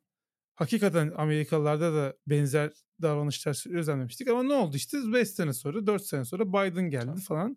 İşte yani bu bu böyledir yani. Hani Türkiye'nin de tarihine baktığınız zaman böyle geri dönülemez falan bir durum bence yok ortada yani. Hani ne olursa olsun sonuç burada iki taraf için de söylüyorum. Çünkü iki tarafta karşı tarafı şeytan gördüğü için. Hmm. Yani onlar gelirse bittik. Kesinlikle bittik falan diye düşünüyorlar. Ben öyle bir şey olacağını pek düşünmüyorum yani. O yüzden böyle kendinizi çok şey almayın. Yani ben hakikaten sinir hastası olacak insanlar ya. Ben öyle şeyler okuyorum ki yani Twitter'da. Ee, herkes karşı tarafı çok acayip şeylerle itham ediyor. Ee, birisi mesela karşıt bir fikir söylüyor ama adamı etiket falan yapıştırıyorlar. Sen böylesin falan diye. Ulan adam bir şey bir fikir atmış ortaya. Sen yanlışsın şu yüzden yanlışsın diye git adamla sağlıklı bir şekilde tartış. Ki Twitter'ın olması gereken hali bu zaten. Yani insanların seviyeli bir şekilde tartışabilmesi gerekiyor fikirleri Twitter'da ama bizde o tartışma kültürü de yok. Bizde biz hep böyle fanatizm soslu bir ülke olduğumuz için her konuda hep böyle karşı taraf kötü bizden düşünmüyorsa şey bu sefer ne oldu işte çok ciddi kamplaşma ve böyle e, gruplaşma oluyor ve confirmation bias dediğimiz olay. E, Aynen. Çok çok önemli bir konu yani confirmation bias ile ilgili bence okuma mutlaka yapın. Yani insanlar duymak istedikleri şeyleri e, takip ediyorlar. Duymak, görmek istedikleri hesapları takip ediyorlar. Hep onları okuyorlar. Çünkü onların kafalarındaki fikirleri pekiştiriyor onlar. Karşıt fikirleri hiçbir şekilde gördükleri zaman hemen okumayı bırakıyorlar. Onu yapmamak lazım yani. Herkesi takip edin bence. E, iki tarafı da dinleyin ve ona göre daha sağlıklı bir şekilde e, düşünmeye çalışın. Yoksa hakikaten akıl sağlığı insanların çok etkilenecek yani. Çok net görüyorum Eee, Ya bir abi burada yani. önemli noktalardan bir tanesi hani bu bahsettim ya idea supremacy yani kendi bildiğinin iyi olması konusu bence önemli. Yani böyle bir şey yok. Yani insanlar şunu da anlamıyor. Ben biz burada hani hiçbir şekilde siyaset konuşmuyoruz zaten. Ee, Ben Twitter'da da hiç diye hiç aynen ben de konuşmuyorum yeri de değil ama yani insanlar bazı şeylerin bence tanımını da bilmiyorlarmış gibi geliyor. Yani demokrasi nedir? Oy vermek nedir? Hı Hani bu tarz tanımları bilmeyince insanlar haliyle başka insanlara kendi fikirlerini aşılamaya çalışıyor. O yüzden ben hani demokrasi bir insan oy verme hakkın. Bu benim bir hakkım. Ben mesela ne bileyim yani Korsan Partisi diye bir parti varsa hoşuma gidiyorsa ben bunu oyun veririm. Hiç kimse biri bana işte Mert şuna vereceksin, şu yüzden şuna vereceksin gibisinden bir seçenek sunuyorsa ya bu benim umurumda değil anlatabiliyor muyum? Yani hani bir birey olarak bu benim hakkımsa ben bunu istediğim partiye veririm, istediğim kişiye veririm. Bu fark etmez yani. Herkesin farklı nedenleri var. İnsanların bence bunu anlaması. Hani demokrasinin tanımı budur ya da işte oy verme hakkının o hakkın şeyi budur. Yani bu aynı şekilde işte sen nasıl belki yani daha eski zamanlarda işte evin reisi babadır. İşte baba gider der ki işte eşine sen şu şu, şu partiye oy vereceksin. Nasıl bu yanlışsa değil mi? Aile içerisinde biri. Sen de gidip bir başkasına Hı-hı. şu şu şu partiye oy vereceksin, şu kişiye oy vereceksin. dememen gerekiyor. Bu tamamıyla hani o insanı sen aslında hakkını elinden almaya çalışıyorsun ya da hakkını kullanmasına izin vermiyorsun. Ben o yüzden hani hep söylüyorum yani bir şeylerin tanımını iyi anlamak gerekiyor ve aslında ona göre davranmak gerekiyor. Dediğim gibi yani bunu tamamen hani kavramsal olarak söylüyorum. Herhangi bir şeyden bağımsız olarak söylüyorum. O yüzden yani siz böyle kendi fikriniz iyi, benim düşündüğüm iyi dediğiniz zaman hani karşı tarafı ikna edemezsiniz. Yani ikna etmek zorunda değilsiniz. İkna etmemelisiniz. Çünkü herkesin dediğin gibi yani kendi oy verme hakkı ve istediği kişiye, istediği partiye hani meclise girsin ya da girmesin değil mi? Yani çünkü günün sonunda sen bir de böyle bir sistem var. Ben o yüzden hep şeyin savunucusuyum. O bu barajın olabildiğince de düşürüm olması gerekiyor ki hani te, her her her kesimden bir temsil olsun. Hiç çok yani siyasi mesela, yoruma girmeyelim ya. aynen. Hayır yazılımcılar partisi diye bir tane belki parti olacak değil mi? Yani işte e, şeyde ülkenin yazılım konusunda daha çok gelişmesini isteyecek bir şey varsa ben belki ona oy vereceğim değil mi? Yani o durumda da e, sistem o şekilde işlemesi gerekiyor diye düşünüyorum. E, bu şeylere, kavramlara ve tanımlara kısaca daha çok dikkat edilmesi gerektiğini e, düşünüyorum diyebilirim. Bilmiyorum. E, aslında hani bu konularda biraz daha böyle hassas olmak lazım. Önce anlamak lazım hakkın nedir ve ona göre davranmak lazım. Başkalarının hakkını e, şey yapmadan, e, çalmadan diyeyim. E, ona göre karar vermek lazım. Sen biraz kibar konuştun, ben daha net konuşayım. O kadar o kadar faşist, ırkçı, demokrasiden uzak söylemler okudum ki son iki haftada. Ve her iki taraftan da bu arada. Şu iki taraf var. iki tane aday olduğu için seçimde iki taraf var. Yani e, bence farkında değil insanlar yazdıklarının nasıl bir anlama geldiğinin. E, muhtemelen yani bu seçimin ateşi bittikten sonra geriye dönük o tweetleri de sileceklerdir diye düşünüyorum. Çünkü hakikaten e, yani sonuçta iki tarafta beraber yaşıyor aynı ülkede ve yarın bir gün tekrar insanlar birbirinin yüzüne bakacak. Ve şöyle bir söylem de var bu arada. Bu siyasetçiler böyle birbirlerine söverler ama akşamleyin oturur beraber karşılıklı yemek yerler diye. Bu hmm. burada doğruymuş. Ee, böyle mecliste falan bulunan insanlar bunu e, teyit ediyorlar. Yani belki de onlar böyle birbirleriyle kavga ediyorlar ama gerçekte... Futbolcular bayağı... gibi abi. Futbolcularda ha, da öyle. Taraftarlar kavga ediyor da onlar dediğin gibi arkadaş falan yani hani. Tabii, ya da tabii. işte şirketler rekabet ediyor da yani günün sonunda sen de gidiyorsun mesela rak, rak, rakip şirkette çalışan arkadaşım var oturup çay içiyorsun kahve içiyorsun yani. İşte Çok milli takım var. Milli takımda beraber oynuyorlar oyuncular falan. E, yani. tabii, Adam kavga ediyor aynen. maçta derbide. Milli takımda sarmaş dolaş antrenman yapıyorlar yani belki de şey yapmamak lazım bu kadar. Yani Abi o yüzden ben, ben zaten bu işte yani kişisel markadan bahsederken Hı. bunları hep söylüyorum. Yani bunlar açıkçası sizin çünkü her kesimden insan var yani iki tarafında e, okuyucusu, takipçisi var ve siz bunları yazdığınız zaman belki vicdanen rahatlıyorsunuz ama e, neticede şey oluyor yani sizin e, değerinizi çok düşürüyor. E, böyle şeylere toplara girmek. Her siyasete atılacaksınız. E, amenna tabii ki yani bu söylenme üzerine siyaset yapacaksınız, siyasetçi olacaksınız. Eyvallah da tabii kimseye ne yapacağımızı söylemek bize düşmez. De yani dışarıdan görüneni söyleyeyim. Ee, ben hakikaten böyle ya bu kadar da dememiştir bu arkadaş çok akıllı ve iyi bir arkadaş falan deyip de ya, hakikaten demiş ya falan dediğim e, oldu yani birkaç defa oldu. E, yani bence dikkat etmekte fayda var. Üç günlük dünya neticede. Hı hı. Bak başlangıçta sormadım senin haftan nasıl geçti diye ama Onu ben bilmiyorum. sana da sormadım. Konuyu çabuk ben... döndürdün ama neyse. Ee, ben şeyi seyrettim. Apple TV Plus'ım olduğu için artık sağ olsun. Oo. Ee, bu arada Netflix'te e- ekran paylaşmaya çok yüklü miktarda bir e, para getirmiş. E, evet hesabı paylaşmaya başka modeme bağlıysa falan hesap 8 dolar mı ne ekstradan para istiyor. Netflix bitmiştir abi. Bu, bunu söyleyeyim bu arada. Bu saatten sonra buna devam ederlerse toparlayamazlar bence. Ee, Putayo sağ olsun artık Apple TV Plus'ımız var. Apple TV Plus resmi olarak gelene kadar da Putayo'dan devam ederim. Silo'yu seyrettim tabii ki. Ee, geçen Oo. hafta konuşmuştuk. 4, 4 bölümü de seyrettim. 5. her hafta Cuma günü çıkıyormuş bölümler.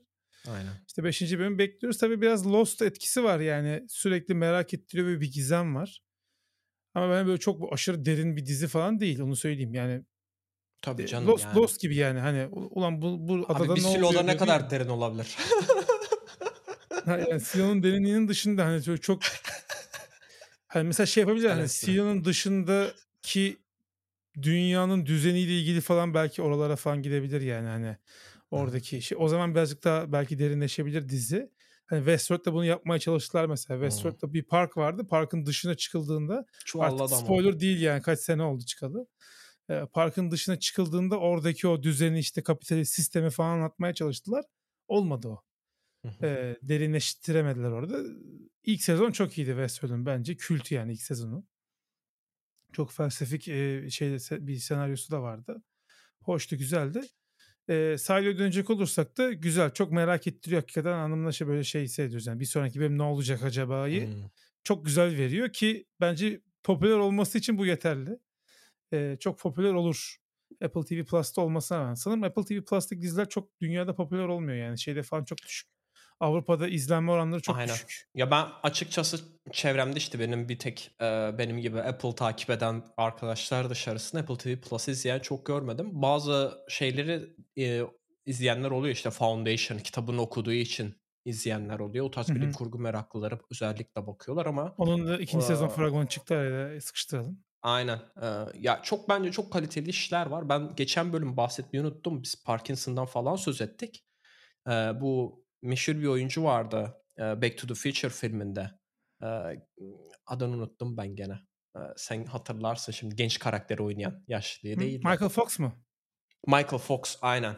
Ee, Still Still Michael mıydı? Still Michael Fox e, diye bir tane e, kendisi Hı hı. bir şey yapmış. Orada aslında adamın hayatını görüyorsun ve kendisi anlatıyor. E, Parkinson hastalığının nasıl bir hastalık olduğunu görüyorsun. na- nasıl sıkıntılar yaşadığını falan görüyorsun. Yani hakikaten biraz üzülüyorsun çünkü adam tam böyle kariyerin zirvesindeyken e, hastalığı etkilerini görmeye başlıyor.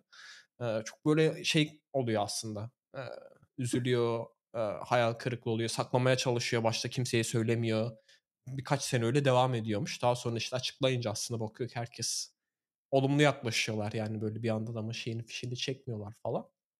Çok güzel e, öyle bir belgesel niteliğinde bir buçuk saatlik falan yapmışlar. Onu ben geçen hı. hafta bahsedecektim. Bahsetmeyi unutmuşum. Yani çok çok iyi işler çıkıyor açıkçası. Yani ben hı. bugün de mesela e, Platonic diye yeni bir tane dizi çıkmış. Seth Godin. Seth Rotten. Tomatoes'da yüzde yüzmüş o ya. İyi, Çok nadir görülen bir şey yani. Aynen. Şey Seth, Seth Godin değil ya. Seth Rogen mıydı? Ha, Seth Rogen. Seth Rogen'la çok güzel. Ya, üç bölümünü seyrettim mesela işte Premiere olunca genelde Apple Chat ilk üç bölümünü yayınlıyor. Daha sonra da Cuma günleri yayınlıyor. Aslında zamanlaması çok ideal yani böyle bir Ted Lasso'yu sanırım hafta içi yayınlıyorlar. O da zaten bitecekmiş diyorlar. Ee, onun üzerine bayağı yüklendi Apple. Herhalde en çok promote ettiği işlerden bir tanesi ama gene- genelde Bu sezon iyi değilmiş Ted. Lasso'nun öyle diyorlar. Son sezonu biraz diğer sezonlara göre daha tek düze Ya falan. idare aynen ida, idare eder diyebilirim açıkçası. Ee, şeyi çok güzeldi. İşte geçen bölüm gene bahsettiğim e, 3-2-1 McCarthy, Rick Rubin'le 6-7 bölüm çekmişler. Birinci bölümü seyrettim sadece. tam şey yapamadım ama yani efsane olmuş hakikaten. Ee, bir yaratıcı iş, yaratıcı şarkı nasıl çıkarılır? Yani şey bile şaşırıyor.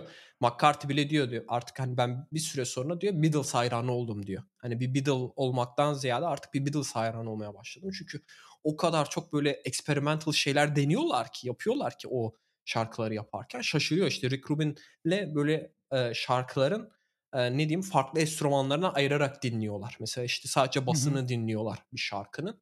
Orada işte şey diyor McCarthy işte burayı ben çaldım, burayı işte John çaldı falan filan diye böyle. Hakikaten yaratıcı iş nasıl çıkıyor işte bazen dediğin gibi de oluyormuş. Rüyasında böyle Yesterday şarkısını Hı hı. duyuyor falan ondan bahsediyor. Ee, Akor onu aynen onu dinleyince işte anlıyorsun abi. Çok yani dediğim gibi ben hani Netflix'ten söz ediyoruz. Apple TV Plus ve Disney Plus dışı- dışında açıkçası parasını hak eden bir servis olduğunu düşünmüyorum ki Disney Plus'ta da genelde böyle hani bir ay ya da iki ay aboneliği alıp aslında o ne bileyim işte Mandalorian'dır ya da Andor'dur falan böyle onları bir toplayıp izleyince de aslında çok şey olmuyor. Apple TV Plus'ta sürekli yeni diziler çıkıyor ve e, hakikaten böyle nasıl diyeyim şeyle cımbızla çekiyorlar oyuncuları. Şimdi gene e, yeni bir film de çıkacak. E, Martin e, Martin Scorsese Evet, e, Scorsese'nin. Killers of the Flower Moon. Aynen. Leonardo DiCaprio'nun Matt- Mükemmel Matt bir fragmanı var. Yok Matt Damon değildim. Ee, DiCaprio birkaç kişi daha oynuyordu da adını unuttum şimdi. Ee, Önemli değil abi. DiCaprio ve Scorsese filmi işte. De Niro, De Niro. Heh. De Niro. Robert De Niro da oynuyor. Ee, yani Kadro zaten. şeyi Yani aslında. Scorsese, Scorsese de böyle çok uzun yıllık bir sözleşme yapmış. Her filmde adam fix aynı parayı alıp oynuyordur yani. Aynen. Amerikan Native Amerikan ne Amerikan yerlilerine aslında eee, o, tahmin ben okumadım. Genelde bu tarz şeyleri ben okumuyorum. Fragmanlarını da seyretmiyorum hiçbir şekilde eee, bilgi sahibi olmamak için. Genel böyle oturup çat diye filmi seyredesim geliyor. Onu da Kanda gösterdiler. Eee şeyin de Kanda gö- gösterecekler sanırım. Nuri Bilge Ceylan'ın da güzel bir filmi var. Yani böyle aslında önümüzdeki birkaç ay güzel işler çıkacak. Güzel diziler, filmler eee, göreceğiz gibi geliyor. Eee, Evet. bakalım. Bu Martin Scorsese'nin röportajını okudum. Biraz hüzünlendim açıkçası. Ee, bu Martin Scorsese e, biliyorsun çok okuyan bir adam. Zaten e, entelektüel birikimi çok kuvvetli bir e, amcamız diyelim. Ve şey diyor yani ben e, okudukça sinema ile ilgili çok güzel fikirler geliyor aklıma ama yani bu yaşımda artık iyice olgunlaştım ve bu aslında fikirleri hayata geçirmek istiyorum ama vaktim yok. Yani 81 yaşındaymış Wow. Akira Kurosawa da buna benzer Oscar aldığında Oscar ödülünü alırken böyle bir şey demiş. O zaman onu da çok etkilemiş. Hani Akira Kurosawa da sinemanın ne olabileceği hakkında çok güzel fikirler var kafamda. Hani o yöne doğru götürebilecek ama vaktim yok diyormuş. Aynı şeyi ben çok iyi anlıyorum. Kurosawa'ya diye şey yapmış. Biraz tabii insan şey oluyor hakikaten. Scorsese'nin eee, şeyi mirası hakikaten çok büyük. Çok büyük yönetmen. Ben filmlerini çok severek seviyorum. Bir de belgeselleri de çok iyidir onun. Hmm. İşte bu şeyden bahsetmiştik ya Pretend It's a City. Onu mesela Scorsese Hmm. çekiyor. Ee, yani adam şey belgesel formatını da çok kendine has güzel bir tarzda oturtmuş birisi. Ee, üzücü tabii yani böyle insanların yaşlanıp da artık mesleklerini icra edemeyecek hale gelmeleri. Aynı Ki şey en, en üst seviyeye geldikten sonra. aynen Hayao Miyazaki için de işte bıraktı diyorlar şimdi tekrar film yapıyor falan diyorlar. O da 80'lerini geçti sanırım.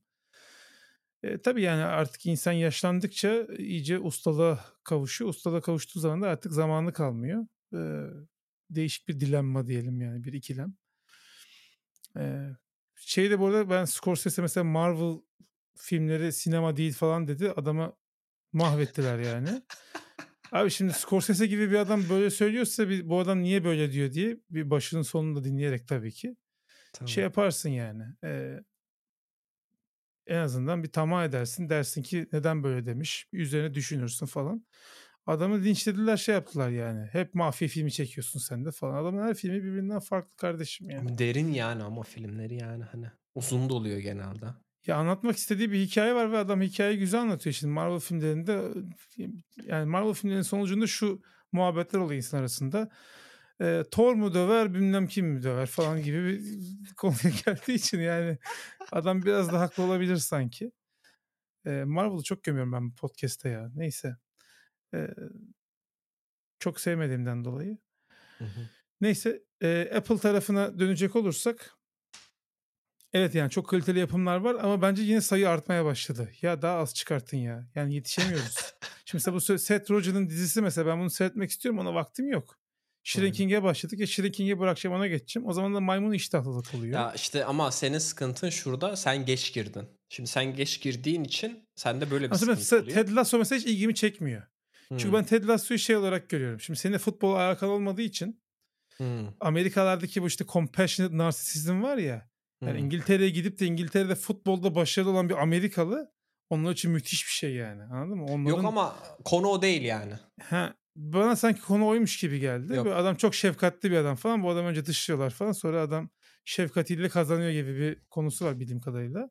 Ya kabaca öyle de şey değil ama futbol değil yani konu. Ha anladım.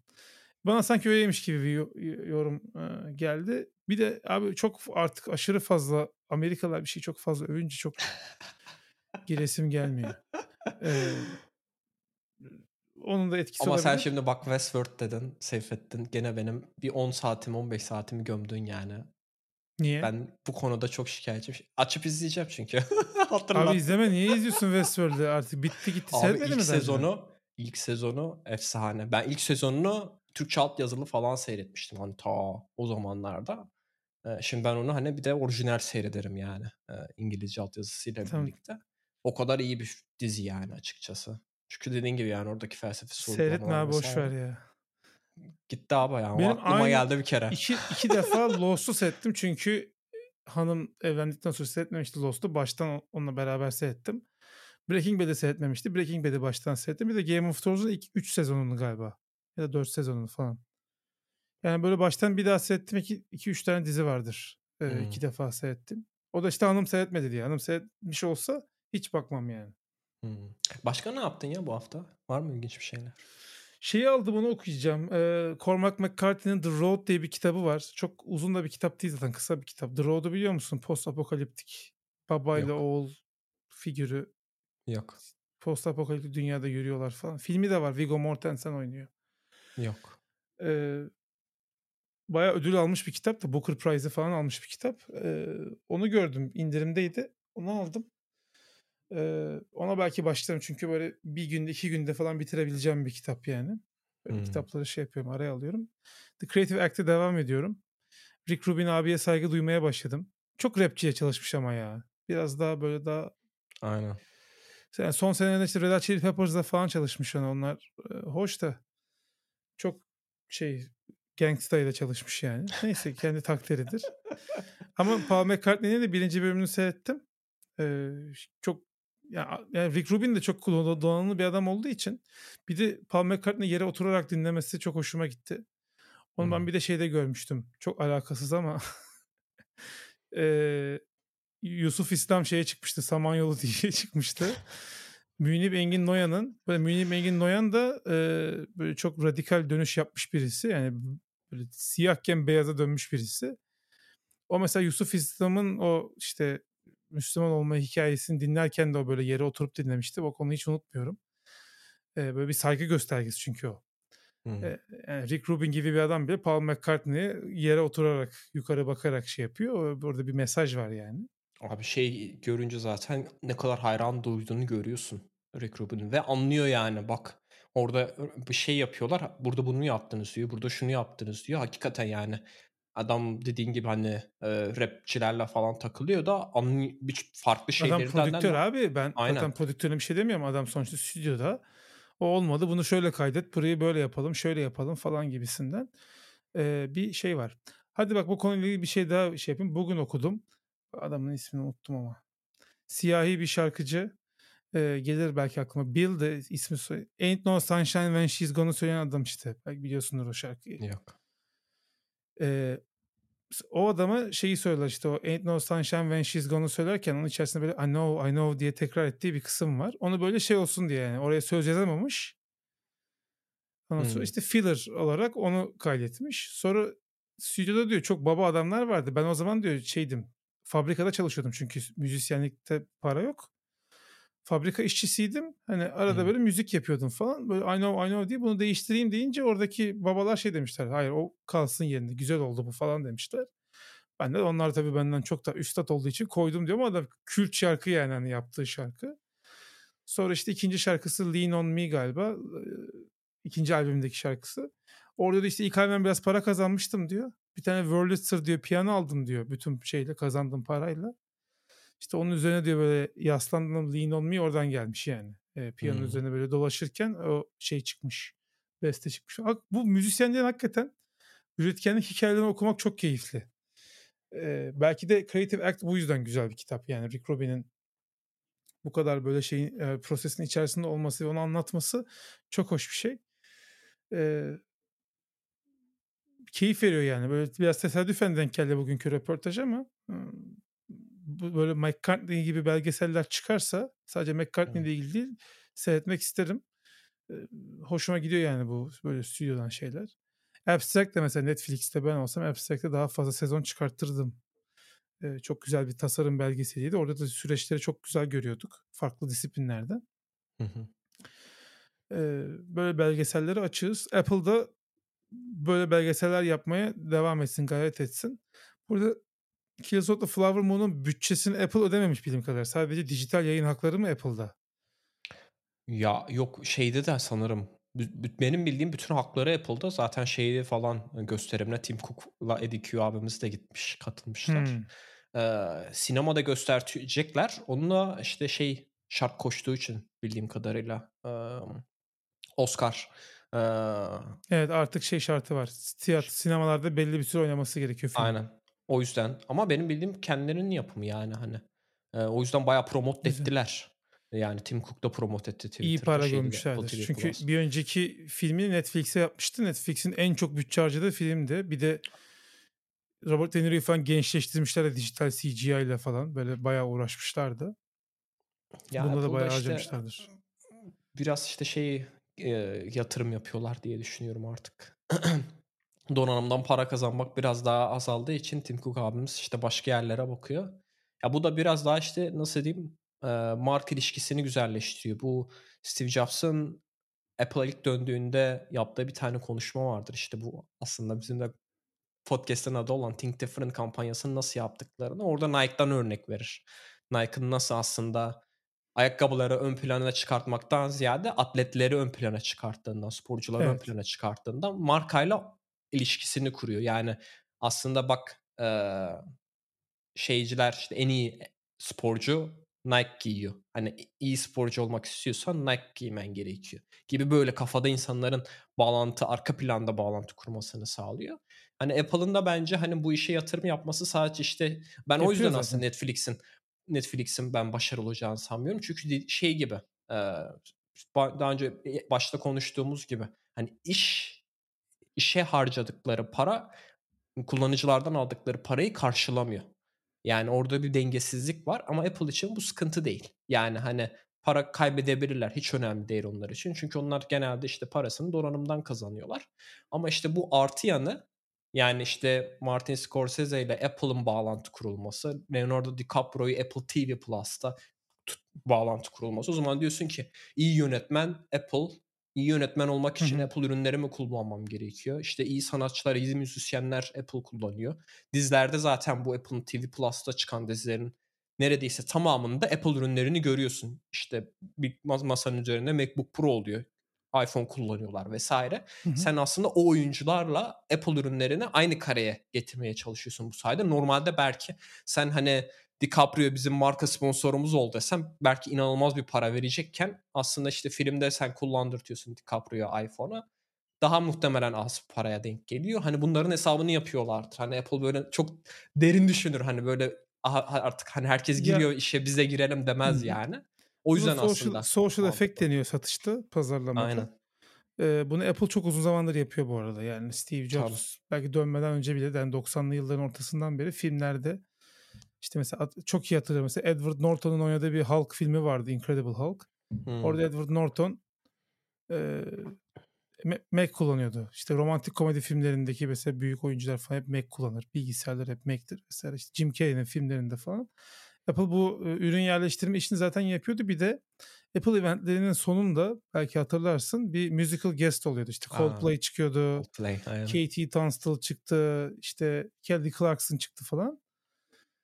Ee, o da işte o etki yapıyor yani bu insanlar iPod kullanıyor. İşte iPod'la müzik dinliyorlar vesaire. Hani o e, Beats kullanıyorlar. Promosyon Beats kullanıyorlar neyse. Beats de Dr. Dre ile zaten eşlenmiş bir şey.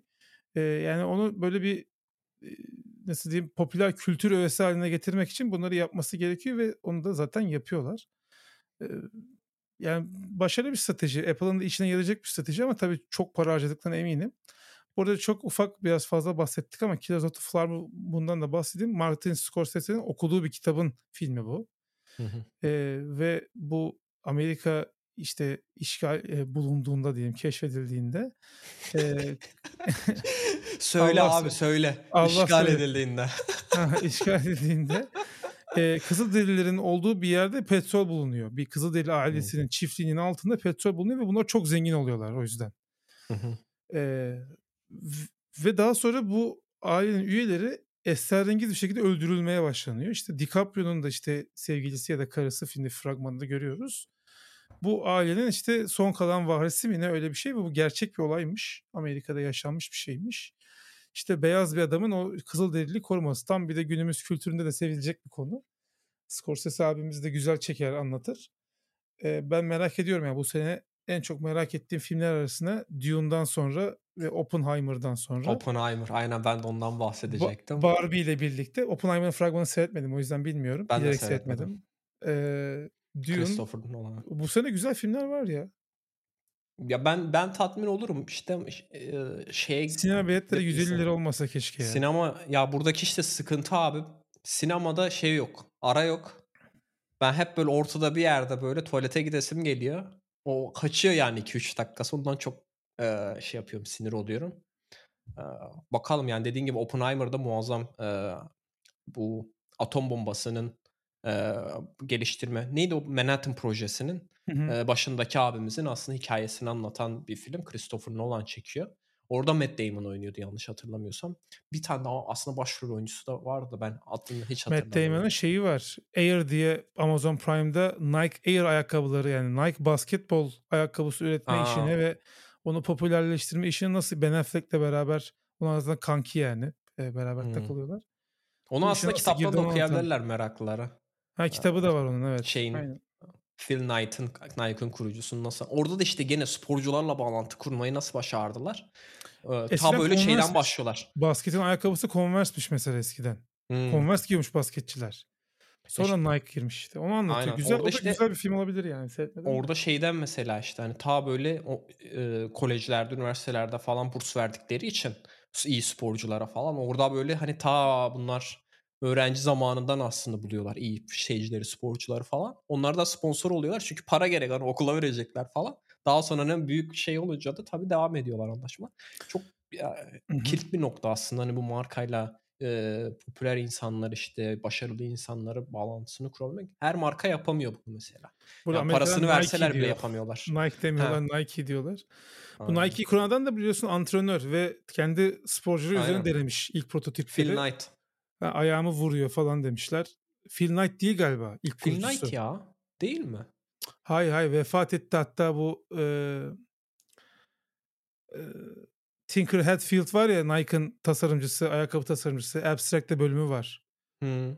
O işte Nike'ın ilk kurucusu olan adam baya yani zaten kurduğu zaman da 50'li yaşlarında olan bir adam. Phil Knight şey sonraki belki CEO'su falandır. Olabilir. Olabilir.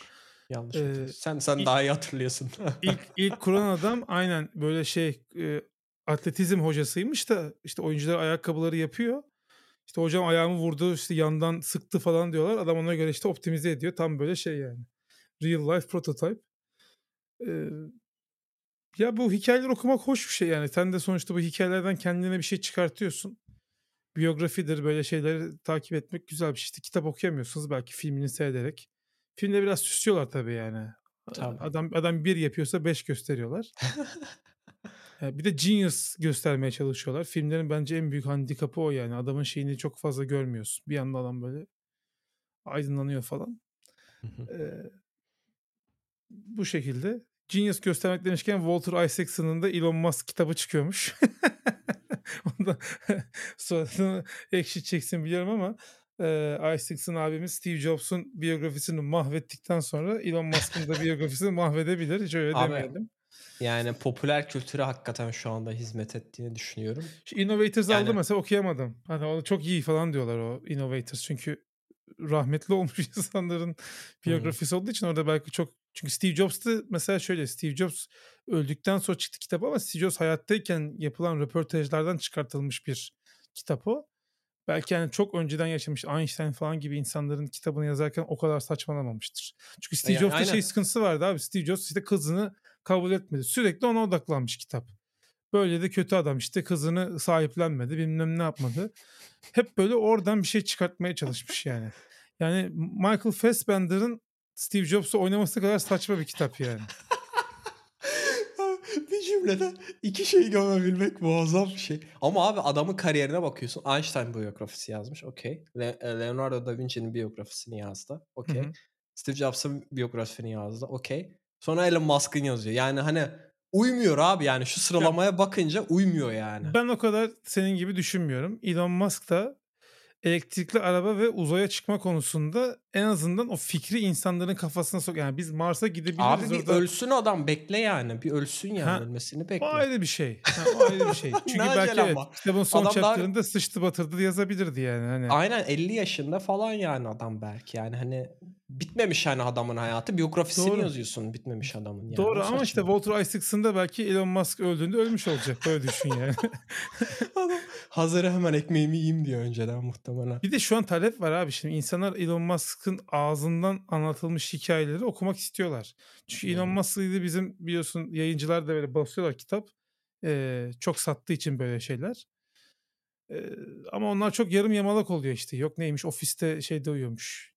Beanbag'lerin üzerinde uyuyormuş falan filan. Kahve çuvallarının üzerinde uyuyormuş. Hmm. Bak, bir hikayeler var. İşte kahramanlaştırma yani. Ee, ama kendi ağzından mesela olayları duymak istiyor olabilir insanlar. Adamda yani talep var. Arzı da sağlıyor yani. Yani Ben o yüzden çok şey yapmadım. Aç, aşırı yadırgamadım. Evet ölse de yastık güzel ama o zaman Walter Isaacson da ölmüş olabilir yani. Daha yaşlı çünkü muhtemelen şeyden Doğru. Elon Musk'tan. Treni Doğru. kaçırmayayım demiş olabilir yani. Aynen. İstersen yavaştan böyle birkaç konu yazmıştık. Onlara biraz değinelim. İki saate Ee, devireceğiz. Şu HBO Max'i de bir konuşalım Apple TV Plus demişken. hı. Yine kötü yönetici eee, şey yapar. Yılanı deliğinden çıkartır mı diyeyim. Saçma sapan böyle bağlan- bağlantı yaptım ama yani Ben John HBO Gruber çok güzel şeyler söylemiş o yöneticiler hakkında. Moronlar ben bir şeyi bu Amerikalıların bu yanını seviyorum yani hani lafını esirgemiyorlar. Direkt böyle çat diye Türkiye'de de yapıldı. Sponsoru yakacağım artık yapacak bir şey yok. Eee, şimdi HBO Max biliyorsunuz HBO'nun şeyi ve bu Discovery grupla birleşiyor HBO. HBO satın alıyorlar. Daha sonra Warner Bros. Discovery gibi bir şey oluyor böyle. Hepsi birbirini aldı en sonu böyle devasa bir şeye dönüştü. Eee, buradaki yöneticiler demişler ki işte HBO Max'i kullanmayalım da yeni bir isimle çıkalım. Ne olsun ismi? HBO'yu atalım Max olsun. Niye? Çünkü burada Discovery'nin falan da içerikleri var. Önceden de yüzden- HBO One'da bu arada. HBO Hani One'da. HBO One'da Ondan önce de HBO HBO Now. Now'da önce HBO Aynen. One oldu. Sonra HBO Max oldu. Ya kardeşim millet sizin platformunuzda HBO dizisi için se- seyrediyor. Yani diğer içerikler için seyreden insan sayısı çok azdır. Kalsın HBO Max kalsın yani. Ama yani e, saçma bir e, şey e, karar gibi gözüküyor. Daha saçma olan hadi ismi değiştirdin. Yeni app yapmışlar. Yani zaten indirilmiş bir app var. E, ikinci bir app yapıyorlar ve önceki app'te de yeni app'e yönlendirmek yerine şey diyorlarmış. An error occurred diye hata çıkıyormuş. Hı. Sen milyonlarca insan app'i indirttin. Bir de app'in kalitesini düşürmüşler. Yeniden yapmışlar app'i. Apple'ın native komponentlerini kullanmıyormuş falan. Aynen. Yani oradaki e, developerlara Allah sabır versin. yazmışlar. Aynen muhtemelen böyle saç baş yolup kendi söylemek istediklerini dinlettiremiyorlardır diye düşünüyorum yukarıya. Ee, işte yani yöneticilerin saçmalıkları ve e, bu kadar kuvvetli bir brandi silmeye çalışmak gerçekten çok çok değişik. Burada da Beyin Connect oldu biliyorsun benzeri. Sponsor Hmm. yakacağım derken onu kastediyordum. Beyin Connect vardı. Yeni app yaptılar. İsmini Todd yaptık dediler. E, app'ler birbirinin aynısı. E, Beyin Connect'i direkt Todd diye güncelleseydiniz ya insanlar direkt ekranlarında görseydi. Bu kadar indirilmiş. Ki çok maliyetli var. bir şeydir aslında yeni bir uygulama indirmek. İşin komik tarafı Beyin Connect'in app ikonunu böyle bir kutunun içerisine düşen Beyin Connect app ikonu şeklinde güncellediler. Kutunun içine düşen. Millet bu ne oluyor? Sistemden mi? Falan. Ben bile düşündüm yani ilk başta. Ama Beyin Connect'te güncelleme çıkmaya devam ediyorlar. Bir yandan Todd geliştiriliyor. Bir yandan Beyin Connect geliştiriliyor. Bir garip bir şey yani. E, muhtemelen geçiş olacak. Web'de galiba geçtiler ama mobilde tam geçemediler. Ya bunu tek app yapın yani. Direkt aynı Bundle ID'den çıkın. Ama herhalde nasıl bir karar alındı arkada bilmiyorum. Süreçleri bilmiyorum ama yani Todd'da hiç akılda kalıcı bir şey değil. Bir de Todd'un domaini de toddtv.com.tr. Todd.com.tr deyince başka bir holdingin bilmem ne sitesine falan gidiyor. Hmm. Yani çok sıkıntılı yani süreçler. Ee, demek ki oluyor böyle şeyler. Hı hı. Ee, Aslında- yönetici kararları. Bu söylediğinde e, bizim konulardan bir tanesiyle bağlantılı. Bunu dinleyenlerimizden bir tanesi aslında bize yazmış. Twitter'dan e, bize ulaşmışlar. İşte çok aşağıdan biri olarak çok yukarıda yaşlı biri tarafından nasıl ciddiye alınırsınız diye. Aslında çok kısa bir cevabı var. Alınmazsınız. Bir sonraki soruya geçebiliriz. Aynen. Çünkü hakikaten bahsettiğimiz örneklerde de yani bunlar işte milyar dolarlık şirketler. Sen bağırsan bile bak yanlış yapıyorsunuz. Böyle böyle yapın. Siz kimsiniz ki işte yeni player komponenti yaratıyorsunuz. O Apple'ın default player'ını kullanmıyorsunuz. İşte ne bileyim Netflix'tir şeydir falan hep Apple'ın default şeylerini kullanırlar. Şeyi açtığında Apple TV uygulamasını falan açtığında. Değil mi? Yani niye böyle bir farklılık yaratmak istiyorsunuz? Hani farklılık yaratacaksanız hani içerikte yaratın, teknolojide falan bir şeylerle yaratmayın. Yapamıyorsunuz ki yapamamışlar. Çalışmıyormuş yani hani söyledikleri hı hı. E, şey. Ben kullanamıyorum çünkü uygulamaları. Yok yani bir de öyle bir şey var hala. Almanya'da yoklar. Ee, ve bunlar da genelde işte üst düzey yöneticiler kendi kafalarının dikine gidiyorlar. Benim gördüğüm şey de buydu açıkçası yani benim 5 yıldır falan çalıştığım şirketlerde baktığımda ne yazık ki yani sen mesela okeysin diyorsun ki bak burada sorun var. Ekibinle konuşuyorsun ekip haklısın haklısın diyor. Herkes haklı böyle bir sorunumuz var bunu çözmemiz istiyor. Takım liderine diyorsun takım lideri de diyor ki aa haklı bunu da şey yapalım diyor. Takım lideri bir üst direktöre gidiyor o da tamam haklı diyor ama karar verici kişiler ne yazık ki ve bu saydıkların hiçbiri aslında karar verici insanlar olmuyor. Ee, büyük şirketlerin bence büyük sıkıntıları nedeni de bu. Sen mesela bunu daha iyi biliyorsundur. Yani bilmiyorum hatırlamıyorum şimdi. Selçuk kızmasın Monofor kaç kişiydi ama hani ufak ekip olunca sen bir şeylere karşı çıktığın zaman sesin hal, haline mesela çok kaba şekilde 10 kişiysen hani %10 değil mi? Yani onda birine sahip olmuş oluyorsun şeyin sesin totaldeki hani ya da 10 fikirden hani bir tanesine sahip olmuş olabiliyorsun. Haliyle duyulabiliyor senin. Dinliyor yani oradaki kişi, karar verici kişi ulaşabiliyorsun. Ama bu tarz şeylerde büyük şirketlerde aralara katmanlar eklendikçe senin sesinin dinlenmesi arada kayboluyor gidiyor. Yani sen 10 bin kişi çalışıyorsun 11'de birsin yani. Hani sen ne yazık ki hiçbir şeyi de yapamıyorsun ve büyük şirketlerde zaten 10 bin kişi çalışıyorsa totalde yani böyle hani kararları verecek işte mesela uygulamanın ismi ne olsun bunu totalde karar verecek kişi belki 3 kişidir 5 kişidir yani. Belki alttaki 10 bin kişi diyordur ki bakın yanlış yapıyorsunuz böyle bir şey yapmayın diyordur ama o 5 kişi kendileri karar vereceği için ve ne yazık ki de şöyle sistemler oluyor. Ben patronum. Ben buna karar veriyorum. Ben bu gücümü kullanacağım ve benim gittiğim karar yanlış olsa bile. Çünkü ben karar vereceğim. Yani diğerlerinin kararları benim umurumda değil. Kendi gücünü göstermek istiyor çünkü orada da aslında. Bu şey biraz da e, doğadaki hani e, alfa erkek şeyi. Genelde de bunlar er, kimse kusura bakmasın da erkek yöneticiler oluyor. bu şekilde hakikaten kafasına dikine gidenler. Ben hiç öyle düşünmüyorum. Çok bir şekilde diğer cinsten de kötü örnekler var bildiğim. Bilmiyorum benim aklıma doğrudan e, gelmiyor. Ta- Thanos Thanos diyeceğim gene. Terenos e, ablamızdan ziyade. E, ve bu şekilde şey yapamıyorsun ya. Ciddiye alın, alınamıyorsun yani. Hani aslında sen ne kadar e, bilsen de konuyu e, açıklasan da kanıtlarını da göstersen bakın bu böyle böyle rakamlarla da göstersen ne yazık ki ve ne yazık ki e, kimse seni dinlemiyor. Ben açıkçası bilmiyorum seni nasıl daha iyi dinleyebilirlerdi. Mesela kullanıcıları dinleyebiliyorlar bazı durumlarda. E, user search yapıyorlar. Oradan çıkan sonuca dinlemek zorunda kalıyorlar. Çünkü biraz işte o scientific olarak yapıldığı için bakın böyle bir kanıt var. Kullanıcılar bunu beğenmiyor. Hani o zaman mecburen artık tamam yani hani çünkü para kaybedeceğiz. Para kaybedersek ben işimden olacağım şeklinde e, yapabiliyorlar.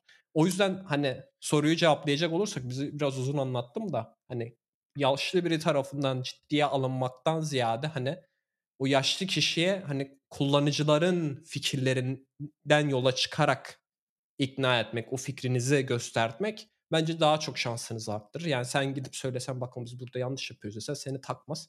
Ama dersen ki bakın şurada şu kullanıcılar şunları diyor acaba böyle bir şey yapsak mı desen, derseniz o zaman şansınız bence e, çok daha yüksek olabilir diye düşünüyorum. Bilmiyorum Senin dediğini birazcık daha genişleteyim. Aslında yukarıya gideceğiniz zaman sizi kabul etmeyecek ya da dinlemeyecek birisine gideceğiniz zaman ya da ara katmanlara bir şey ulaştıracağınız zaman donanımlı gitmek lazım. Donanımlı gitmekten kastım şu yani sizin savınızı destekleyecek bir sürü şey. Bak bizim rakibimiz hala da native komponent kullanıyor ve kullanıcılardan böyle böyle App Store'da yorumlar gelmiş. Bu native component kullandıkları için yani. Elinde veri olursa ya da diyeceksin ki mesela işte bizim rakibimiz e, kendi komponentten native komponentine geçti. Şuna göre işte App Annie'de download sayısı şu kadar arttı. İşte revenue'su bu kadar arttı. Yani sen adamı onun anlayacağı dilden gerçek veriyle gidersen o zaman adamın karar mekanizmasını değiştirirsin. Ee, onun dışında emrivaki de yapamıyorsun. Büyük şirketler öyle bir şey mümkün değil. Bu nasıl böyle oldu falan derler. Ee, bunların hiçbirisini yapamıyorsun zaten. Karşı taraf yine dinlemiyorsa. Bunun da örnekleri var bu arada. Parasıyla değil mi kardeşim kafasına getiren patronlar varmış. Ben hiç denk gelmedim de. Ee, varmış. O zaman yine iş bakıyorsunuz yani bu kadar basit. Daha, nasıl anlatabilirim ki yani. Ya da kendi işinizi kuruyorsunuz. Ya da küçük ekiplerle çalışıyorsunuz. donanımlı gitmek çoğu zaman etki dinleyecek. ediyor onu söyleyeyim yani. Donanımlı gitmek çok e, etkili oluyor. Yani sen orada bağırıp çağırırsan mesela bu bağırıyor çağırıyor ya ne diyor bu falan diye daha çok tepki gösterip e, direnç gösterip şey yapıyor. Seni daha dinlemiyorlar ve Hı hı. sizin sesiniz boğuluyor, kayboluyor aşağıda. Ama Hı hı. verilerle gidersiniz şöyle. Ama tabii bu yukarıya söyleyeceğiniz şeylere ulaşacağı anlamına gelmez. Çünkü arada bir sürü katman varsa ve siz direkt yukarıya ulaşamıyorsanız ya adamı asansörde kıstırıp anlatacaksınız. Bu bir yöntem. Ee, ya da e, şey olabiliyor yani ara katmandaki adam mesela senin fikrin doğru ama senin yükselmeni istemiyor. Kendi pozisyonunu sana kaybetmekten korkuyor. Bir de işin bu tarafı var. Bu iş Game of Thrones yani birçok şirkette. Anladın mı? Hani şeyler var. Tahta oyunları yani. Ee, tahta oyunları olduğu için de bazen senin yukarı ilettiğin raporu adam yırtıp çöpe atıyor bile olabilir. Ha, Evet. Zaten ciddi alınmadığınızı anlarsanız da artık o noktadan sonra yapılabilecek bir şey yok. Yani sen elinden geleni yapmışsın ikna etmek için. Yukarısı ikna olmuyor. Eh o zaman iş bakmaya başlamakta fayda var. Hı hı. Ya da işte daha çok böyle aman rahatımız bozulmasın Ali Rıza Efendi kafası Ya şimdi herkes onu yapamıyor. falan. Şimdi onu söyleyeyim Mert. Şimdi senin mesela şu an bekarsın. Çoluk çocuk yok. Hani o konuda mesela daha esneksin. Tamam mı? Ee, ona göre birikim yapabilme imkanın daha fazla vesaire. Ama e, diğer türlü durumlarda bazen şey olabiliyor. Bir de beklenmedik şeyler çıkıyor hayatta. Her zaman hayat böyle Tamam. sağlıklı, mutlu ve huzurlu gitmiyor. Ee, sağlık şey oluyor ne bileyim bir sevdiğin ameliyat olması gerekiyor aileden birisinin. Ee, böyle durumlar da olabiliyor. Beklenmedik masraflar çıkabiliyor vesaire ve paraya ihtiyacınız oluyor. O durumda da öyle kolay bir şekilde ben kendi startup'ımı kuruyorum ya da işte küçük bir yere geçiyorum diyemiyorsunuz. Özellikle ben büyük aslında orada şey demek maaşınız istiyordum. yüksekse küçük şirkete geçmek kolay olmuyor. Yani çok iyi yatırım almış bir şirket değilse. Yani dengeler var herkesin hayatında. e, yani yoksa o zaman niye ki herkes büyük şirketlere çalışsın ki yani? Herkes küçük Tabii ya- şirketlere geçsin yani. Ben orada aslında şey demek istiyordum yani direktör hani rahatımız bozulmasın. Şimdi sen bana problem getiriyorsun. Ben şimdi rahatımı bozacağım. O problemi dile getireceğim bir üstüme. Hani onu istemiyorlar genelde bazı direktörler hani. Yukarıdan geleni aşağıya vermek daha kolayına gidiyor. Aşağıdan geleni yukarıya iletmektense. Evet ama Onu orada da demek şöyle bir durum var. Tabii yani. şirket başarılı olduğu zaman daha çok para kazandığı zaman bu sefer herkes mutlu oluyor. Çünkü şirkette ne bileyim prim dağıtıyor. İnşallah dağıtıyordur. Ee, şirkette prim dağıtıyor. Ona göre şey yapıyor. İşte takdir görüyorsun. Belki pozisyonda yükseliyorsun. Aa diyor bak bu takım başarılı. Bu takımın yaptığı işler düzgün olmuş. iOS takımından çok iyi app'ler çıkıyor. iOS app'inde herkes iOS app'inden giriyor. Bizim Dubai'deki app mesela iş öyleydi yani web kötü değildi ama iOS app'inden kazanılan revenue toplam revenue'nun %65'i falandı. Şimdi bu iOS Hmm. app'inin iyi olduğunu gösterir. Ee, o zaman ne oluyor? iOS app takımına daha fazla yatırım yapıyor şirket. Ee, senin için daha fazla kapı açılıyor. O yüzden de bunları anlatabileceğin, yani bunları da dinlemiyorsun zaten yöneticin. O zaman zaten hiç işin yok senin orada. Zaten Tamam. insanlar biliyorsun şirketleri yöneticileri bırakır diye bir laf var. Çok doğru bir laf. Aynen. Ee, daha da bence üzerine konuşmaya gerek yok. Peki. Bir sonraki soru gene eee, bizim dinleyenlerden gelmiş bir soru. Sürekli bug çözmek ve toplantıya girmek arasında sıkışan işler için motivasyonu nasıl yönetiriz? Güzel soru. Bunu şirketler farklı şekillerde çözüyorlar. Bazı şirketler no meeting Wednesday falan gibi şeyler yapıyor. Hmm. Yani çarşamba günü toplantı yok. Ne olursa olsun yok. Senin e- X şirketin e, çılgınlık yapıp bütün toplantıları iptal ediyor. Bu da bir yöntem. Ee, ofiste çalışmayı seçenler var. Bu aralar çok görüyoruz. Remote'dan tekrar ofise dönen şirketler başladı. Galiba e, sizin şirkette ofise dönüş gibi bir şey e, yapıyor diye duyuyorum ve kulağıma hı. geliyor. E, sizin şirket dedim yani senin ex şirket. Eski şirket. Ondan sonra Aslında hala çalışıyorum şu an. Garden Leave dedikleri olayda yani. ha, Eee, okey. kağıt üzerinde hala çalışıyorum. Önümüzdeki ayın ortasına kadar maaşım da ödeniyor ama iş yapmıyorsa böyle de saçma bir şey. Neyse e, hayırlısı olsun. E, Yani ofise dönme vesaire de oluyor. Hani tabii online, yani remote olunca tabii sürekli her görüşmede bir Zoom'dan bağlanma ihtiyacı hissediyorsun. O da tabii biraz toplantıların sayısını arttırıyor. Bazen mesela yanına böyle bir şey dönüp de sorup da cevap verebileceğin konularda eee, yarım saat 40 dakikan gidebiliyor. Millet kamerayı ayarlıyor, mikrofon çalışmıyor. Bir de onlar var. Böyle problemler var. Ama bu işi nasıl çözüyorsun? İşte dedike vakitler ayırıyorsun. Yani diyorsun ki mesela atıyorum eee elinizdeyse tabii yani şu saatler arası toplantı koyayım ya da şu saatler arası toplantım yok. Şu saatlerde bunu yapayım vesaire gibisinden. Ama size sürekli bug fix geliyorsa toplantı dışında bu birazcık da proje yönetimiyle alakalı bir problem. Hı hı. Demek ki bug'lı ürün çıkartıyorsunuz. Birincisi süreçlerinizde problem var. Yani çıkarttığınız işlerde çok bug var ve bunlar size sürekli iş olarak geri dönüyor. O zaman süreçlerde yani çıkarken belki daha stabil ve sağlam çıkmak gerekiyor. Eee, bunun savaşını vermek gerekebilir içeride. Eee, çünkü yani bug çözeceğin zaman bellidir. Feature yapacağın zaman bellidir. Bu feature'ların da sonuçta eee, planlandığı zaman dilimleri olması lazım ve o, o zaman dilimlerinde bug çözme olmaması lazım. Yani çok böyle critical bir bug değilse çözme olmaması lazım. Eee, o yüzden bu tamamen proje yönetimi, eee, product owner'ın kararları falan gibi ve bütün paydaşların aslında dahil olduğu bir durum. O yüzden böyle çok net hani şunu yönetebilirsin yani şunu bu şekilde yapabilirsin diyemem ama motivasyon konusunda tabii ki eee, yeni bir şeyler yapmak. Eee, bunu da tabii şirket size müsaade edecek yani yeni bir şeyler yapmanız için. Mesela bazı şirketler iki haftada bir mesela cuma günleri hiç iş yapmıyorlar. Diyorlar ki yeni bir şey öğrenmek için sana vakit Hı. veriyorum. Cuma günü yeni bir şey şey yap. Sonra işte ayda bir mesela onun sunumunu yapıyorlar. İşte ben bu cuma günleri Şunu denedim, şu tasarım kursunu aldım, bilmem ne yaptım vesaire. Bilmiyorum sizde var mıydı öyle şeyler de. Eee, Yok ama eee, bir önceki şirkette vardı eee, böyle bu şeyler motivasyon araçlı. Yeni bir şeyler öğrenmek, bilmediğin kısımları geliştirmek, makale okumak falan. Bunlar güzel şeyler. Eee, böyle şeyler yapılabilir ama bu tamamen Aha. tabii ki şirketin çalışana olan yaklaşımı ve süreçleriyle alakalı bir şey olduğu için eee, o işte aradaki sıkışan işler için motivasyon zor.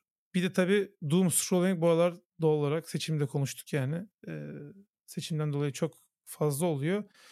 Biraz da bundan dolayı sorulmuş bir soru olabilir yani o yüzden bunu söylüyorum. Çünkü motivasyonu kayboldu insanların. Onunla bağlantılı bir soru herkes. daha var. Ha, e, okey. Eee, evet gördüm şimdi. Eee, yani e, hedefleriniz olursa şu gün şunu bitirmem gerekiyor falan derse o zaman motivasyon oluyor zaten. Yani deadline'ların olması güzel bir şey aslında kötü bir şey değil. Kesinlikle. Sizi Ben şey biraz daha belki aynen pratik bilgi vereyim. Takviminize gidip kendiniz bir toplantı ekleyin. O, o Hmm. toplantı sırasında o- focus olup çalışın. Google e, Google'ın Workspace'ini kullanıyorsanız Google'ın Workspace'inde şöyle bir özellik var. E, privacy şeyini aktif ediyorsunuz. Toplantıların hepsinde meşgul meşgul meşgul meşgul yazıyor. Kim ne, top- ne toplantınız var? Diğer insanlar göremiyor. O yüzden çünkü ben şeyi tahmin edebiliyorum. Ben orada işte focus diye oraya bir tane meeting set etsem gene derler ya Hayali bir Mert. arkadaşınız olsun. Aynen. Yani o yüzden hani ne falan diye onu toplantı o yapın. özelliği aslında aktif ederek hani şeyde de bilmiyorum belki vardır Outlook'ta vesaire e, vardır diye düşünüyorum. Onu aktif ederseniz kimle toplantınız olduğunuz gözükmez. Oraya gidersiniz salı günü 3 ile 5 arasında 2 saatlik benim toplantım var. O zaman size kimse toplantı isteği atmaz. Sen de dersin ki ben o 2 saat arasında o yapmak istediğim işi. Çünkü günün sonunda şey değil abi yani sen şirkete bunu ben tahmin edebiliyorum yani soran kişi şirketi önemseyen ee, biz nasıl işte hani asıl önemli olan işler var. Onu aslında çalışmamız var ama işte toplantı var, bug fix var. O işi yapamıyoruz diyen birisidir diye tahmin ediyorum. Böyle yaparak aslında sorunu çözebilirsiniz. Ya da işte hani bu şeyle yoksa böyle bir özelliği kullanamıyorsanız dersin ki Seyfet'te ne? Acı bak yani senin de zamanın yok, bizim de zamanımız yok. Benim de zamanım yok. Bu işi yapmamız lazım. Gel böyle 3 saatlik bir pair programming session diye göstertelim. Ee, en azından diğer insanlar biz pair programming yapıyoruz diye belirken ikimiz de böyle kendi fokuslanır işimizi yaparız. Kimse zarar görmez bundan. Böyle şeyler yapabilirsiniz. Ben açıkçası e, kimsenin bunu yadırgayacağını şey yapacağını sanmıyorum. En azından dersiniz ki bakın ben fokuslandım işi bitti. Zaten de ertesi hafta görürler yani ortaya çıkan işi de. Hani böyle hile hurda bir şey değil bence. Ee, ama çünkü günün sonunda o şirketin sorumluluğu size o fırsatı verebilmesi gerekiyor yani. Evet. Ee, Bir de time normalde tracking aslında ben time tracking de tavsiye ediyorum. Şuna Ya şu toplantıyı Yok yok time Falan tracking şey, dediğim ha. şu. Mesela top, şu Heh. kadar zaman toplantıya gitti. Bu kadar zaman şu bug'ları fixledim. Ee, tutarsanız yarın bir gün size bu feature niye bitmedi dedikleri zaman al dersin. Bak grafiğim bu. Ben bak Aynen. bug fix'e bu kadar vakit harcamışım. Toplantıya bu kadar vakit harcamışım. Geriye zaten bana kalıyor yani yemek yiyecek zaman yani dersin. Aynen. Ee, dersin ki bunu çözmemiz lazım. Nasıl çözebiliriz? Ee, hep tabii karşıdakiler anlayışlıymış gibi ben varsayarak konuşuyorum ama hani dediğim gibi onun yöntemi iş bakmak diğer türlüsü. Abi ben hep diyorum yani şimdi gene Halil'le tartışacağız. Toplantılar yüzünden iş çıkmaması. Ne zaman bir toplantı görsem 10 kişi yarım saatlik toplantı abi. Yani sen bir Tabii. o gün bir kişi çalışmıyor gibi aslında yani. Sen o bir kişi hiç çalışmıyormuş varsayıyorsun. Çok çok çok zararlı şeyler. Bunları daha önce konuştuk zaten. O yüzden hani ben az önce bahsettiğim işte ülke gündeminden ya da olayıcı gündem, ola, oyalayıcı gündemden nasıl uzak durursun? İşte bu doom scrolling'den nasıl uzak durursun? Hedefler koyarak. Aynen. Ee, bu yöntemlerden bir tanesi. Ee, biz mesela artık şimdi benim yakın arkadaşım o da işte çalışmıyor şimdi ben de çalışmıyorum ama biz mesela her gün stand up, stand up yapıyoruz. Normalde hiç stand up yapmak istemeyen biri olarak çünkü işte hem başka şeylerden de muhabbet ediyoruz aslında. Ama orada mesela şeyi soruyoruz işte senin bugün hedefin o mesela işte şu anda iş bakıyor işte şu şu şu şu rekruterların mesajına dönüş yapacağım şu coding challenge'ını çözeceğim vesaire gibi hani e, bana söz vermiş oluyor. Ben de diyorum ki işte ben bu projemde çalışıyorum. Projemde işte ödeme sisteminin entegrasyonunu gerçekleştireceğim şeklinde. Günlük hedefler belirliyorum. Daha sonra işte biz haftalık hedefler belirliyoruz. Haft aylık hedefler belirliyoruz. İşte hani benim yakın arkadaşım olduğu için de hani sadece işle ilgili hedefler değil. İşte yıllık hedefler de belirliyoruz. İşte mesela işte bu yıl işte Almancayı ben artık B1 seviyesine getireyim. Hani bu tarz böyle hani hedefler veriyorum. Ve bu seni de biraz da sorumluluğu tutuyor. Bu sorumluluğu olunca da haliyle şey oluyor yani ülke gündemine vesaire çok uğraşamıyorsun. Çünkü abi yani yetiştirmem gereken, verdiğim bir söz var, yapmam gereken bir iş var. Ee, o yüzden çok rahat bir şekilde uzak durabiliyorsun ya da daha pratik çözümler söyleyip mutla, mutluyorsunuz, gidiyorsunuz. Ben açıkçası öyle yapıyorum. Kimse de kusura bakmasın yani. Böyle aşırı bir şekilde gündemle ilgili tweet atanlar. Burada tabii siyasi olarak gündemden bahsetmiyorum. Herhangi bir işte. Bugün 10 bin, 10 bin tane yeni AI özelliği duyuruldu. Al sana thread deyip böyle saçma sapan tweetler atıp 1 milyon tane sana özellik duyuran insanlar var. Artık gına geldi. Yani günün sonunda yaptık. Herkesin yaptığı şey tek bir API'yi kullanarak kendileri kendi domainleri içerisinde onunla farklı promptlar yazmak. Hani bu tarz insanları mute'layınca haliyle siz o tarz şeyler görmüyorsunuz. Bir de ben şeyi de fark ettim abi. For You tabında hani sana tanımadığın insanlar gösteriyor ya. O tanımadığın insanlar genelde senin takip ettiğin kişilerin takip ettiği kişiler oluyormuş. Ben onu fark ettim. Maalesef. Ama ben şimdi sen mesela işte atıyorum böyle işte bu Stable Diffusion'la falan böyle Midjourney'le bir şeyler yaratıp aa sanat yapıyoruz diyen adamları sen takip ediyorsan o, o, tweetler benim sürekli önüme düşüyor. Ben diyorum ki gidip Seyfettin'i mute'luyorum. O tweetler artık e, or, düşmüyor. Haliyle hmm. bu şekilde kendi içeriğinizi filtreleyebiliyorsunuz. Yani çünkü şeyde biz hem fikiriz. Twitter'ın faydalı yanları var. Yeni şeyler keşfetlerini sağlıyor ama e, böyle e, çeşitli filtrelerle aslında daha kaliteli seviyeye ulaştırarak gündemden uzak. Her türlü gündemden işte film gündem oluyor, bir dizi gündem oluyor, siyasi bir gündem oluyor, ülkede bir gündem oluyor, teknolojik bir gündem oluyor. Yani bunlardan aslında bu şekilde uzaklaşabilirsiniz ve dediğim gibi biz daha önce de çok konuştuk bunu. iPhone'daki işte Mac'te de var focus özelliği, screen time özelliği bunları kesinlikle kullanıp kendinizi limitleyebilirsiniz. Yani en kötü belki şey yapın. çünkü onlarda bile gene şey yapabiliyorsun. Geçebiliyorsun şeyi. kapatabiliyorsun filtreyi. 10 dakika mesela limit koyuyorsun. Ya işte bugünlük unut diyorsun limiti falan. Benim hanım ya. Ha en kötü. Bana bir şey en gösteriyor kötü... telefonu sürekli süre sınırı çıkıyor. Dismiss'e basıyor. Dedim sürekli dismiss'e basıyorsan niye koyuyorsun süre sınırı? Kapat süre sınırını. Ha ben Yani. de ona ona şey diyecektim. O zaman gidin parental leave pa- parental leave diyecektim. Parental, Parental guide. e, guide. guide şeyini kullanın. E, ebeveyn özelliğini kullanın. Sen mesela işte git eşine çocuğunmuş gibi davran. Ona böyle hesabında o tanımlıyorsun. Diyorsun ki sana bir saat limit. Çünkü normalde onu öyle tanımlayınca çünkü arkasındaki fikir şu ben çocuğa mesela iPhone'u iPhone almışım. Diyorum ki hafta hafta sadece 2 saat oyun oynasın. Oyunlara 2 saat limit kullanıyorum. O limiti hiçbir şekilde geçemiyor. İstek atıyor tekrardan geçebileyim mi? Hani bitince falan. Öyle yapınca hiçbir şekilde geçemezsiniz. Eşinize falan böyle yapın size çocuk gibi davransın. Bu şekilde limitler koyarak daha pratik şeyler vermeye çalışıyorum. Ya ben ben Freedom kullanıyorum. Freedom e, şey level'ında direkt e, IP level'ında banladığı için domain level'ında günde de bir saat sadece izin var. O da 5 ile 6 evet. arası. Tam çocuğu okuldan alma saati benim. Ee, ama tabii kapatmayın. Freedom'ı kapatabiliyorsunuz. Yani force quit'le falan ya da prosesi killedip e, uçurabiliyorsun Freedom Mac'te o şeyi e, karşı koyabilirseniz merak duygusuna o zaman güzel gidiyor. Bir de tabii ki RSS kısmını çok zenginleştirmeniz lazım. Yani e, ilginç blogları, gördüğünüz ilginç makaleler, bak bu adam çok değişik şeyler yazıyor falan dediğiniz şeyleri RSS'e eklerseniz güzel bir e, RSS feed kütüphaneniz oluyor. Mesela ben birçok işte sistemde bookmarks'ta falan paylaştığım şeyleri yani %99'u RSS feed'den geliyor. Twitter'dan gelmiyor onların hiçbirisi. Hı hı. Hepsi ya aslında abi... geliyor. Yani hakikaten çok kaliteli içerik görüyorsunuz. Tabii. Ya çünkü Twitter'da şöyle bir problem var bak. Bu bütün ekşi sözlükte böyle, 4chan'da böyle hepsi böyle çok e, feed mantıklı sitelerde şöyle bir şey var. Bir tane güzel şey görebilmek için 150 tane kötü şey görmeniz gerekiyor. Gereksiz, manasız şey görmeniz gerekiyor.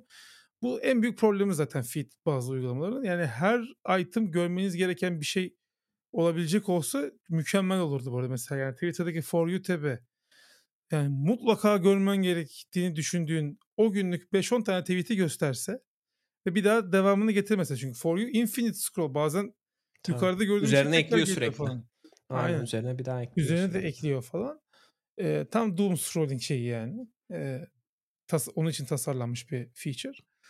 Ee, daha güzel. O yüzden mesela RSS artı işte sosyal medya bloku bence işe yarıyor.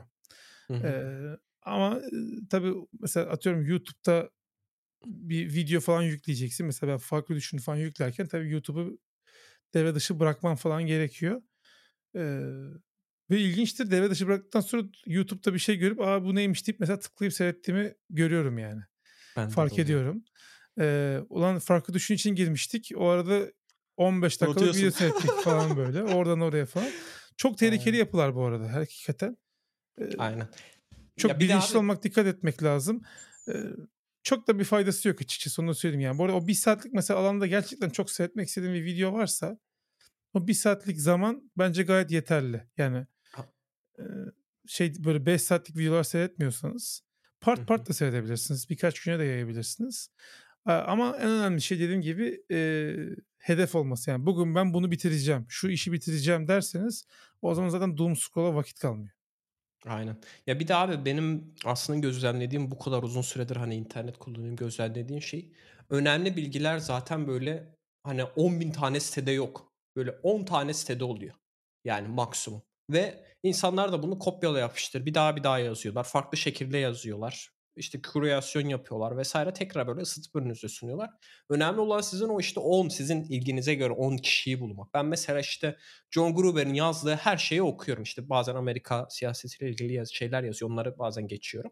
Ama onun dışında her şeyi okuyorum. Niye? Apple ile ilgili bir şey olacaksa, önemli bir şey olacaksa bu adamın ıskalaması mümkün değil. Ve bu adamın işi bu. Yani bu adam bunu profesyonel olarak yapıyor ve bu işten para kazanıyor. Apple ile ilgili çıkan her şeyi okuyor ve e, önemli gördüğü şeyler hakkında kendi fikrini beyan ediyor ve e, linkliyor başka kaynaklara. Hani kendi yorumunu ekliyorsa o ka- kaynakla ilgili o kaynağı da linkini ekliyor. Girip detaylarını öğrenebiliyorsun. O zaman ne oluyor? Ben diyorum ki benim o zaman Apple ile ilgili başka kay- e, takip etmem gereken başka bir site yok. Yani bazen işte Mac, Macrumors'u ya da işte 95 Yok Macrumor'da çok ediyor. fazla.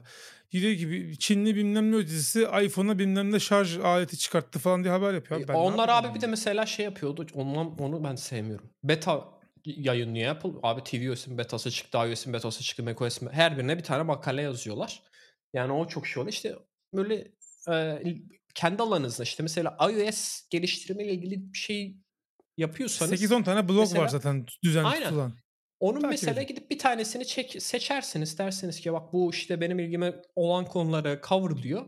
Ee, API'ler benim ilgime duyan şeyleri coverlıyor. O zaman gidip sadece onun arasına üye olmanız yeterli aslında. Böyle 10 kişi 20 kişi falan takip etmenize gerek yok. Mesela işte gene işte ChatGPT falan Newsletter'lar da işe yarar. Şey yapıyorsanız aynen ben mesela gidip abi OpenAI'ın kendi bloğunun, eee, RSS'ine kaydoldum. Herkesten önce ben görüyorum. Çünkü insanlar RSS'ine kaydolduğu için bilmiyorlar. Birileri illa haber yapacak. İşte The Verge'de falan haberi çıkacak ya da işte bu influencer'lar Twitter'da işte ChatGPT'li AI'ın her şeyini bilen, eee, insanlar türedi ya bir anda. Onlar yazacaklar. Onlar okuyana kadar zaten sen zaten RSS'e düştüğü için okuyorsun. Yani hani kaynağını bulmak aslında. O insanlar nelerden besleniyor? Onun kaynağını bulup onları takip edince zaten onları görüyorsun. 2-3 şey kaynak oluyor.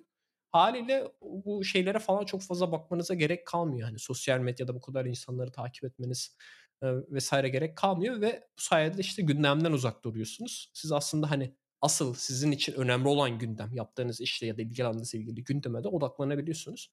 Bence hâlâ böyle çok anlaşıldığını sanmıyorum yani RSS'in öneminin. Ben o yüzden tavsiye ediyorum yani. Hani podcast RSS aslında. O yüzden hani, dinleyenler böyle bu kadar uzun süre dinleyebiliyorlar. Çünkü hani tek kaynak.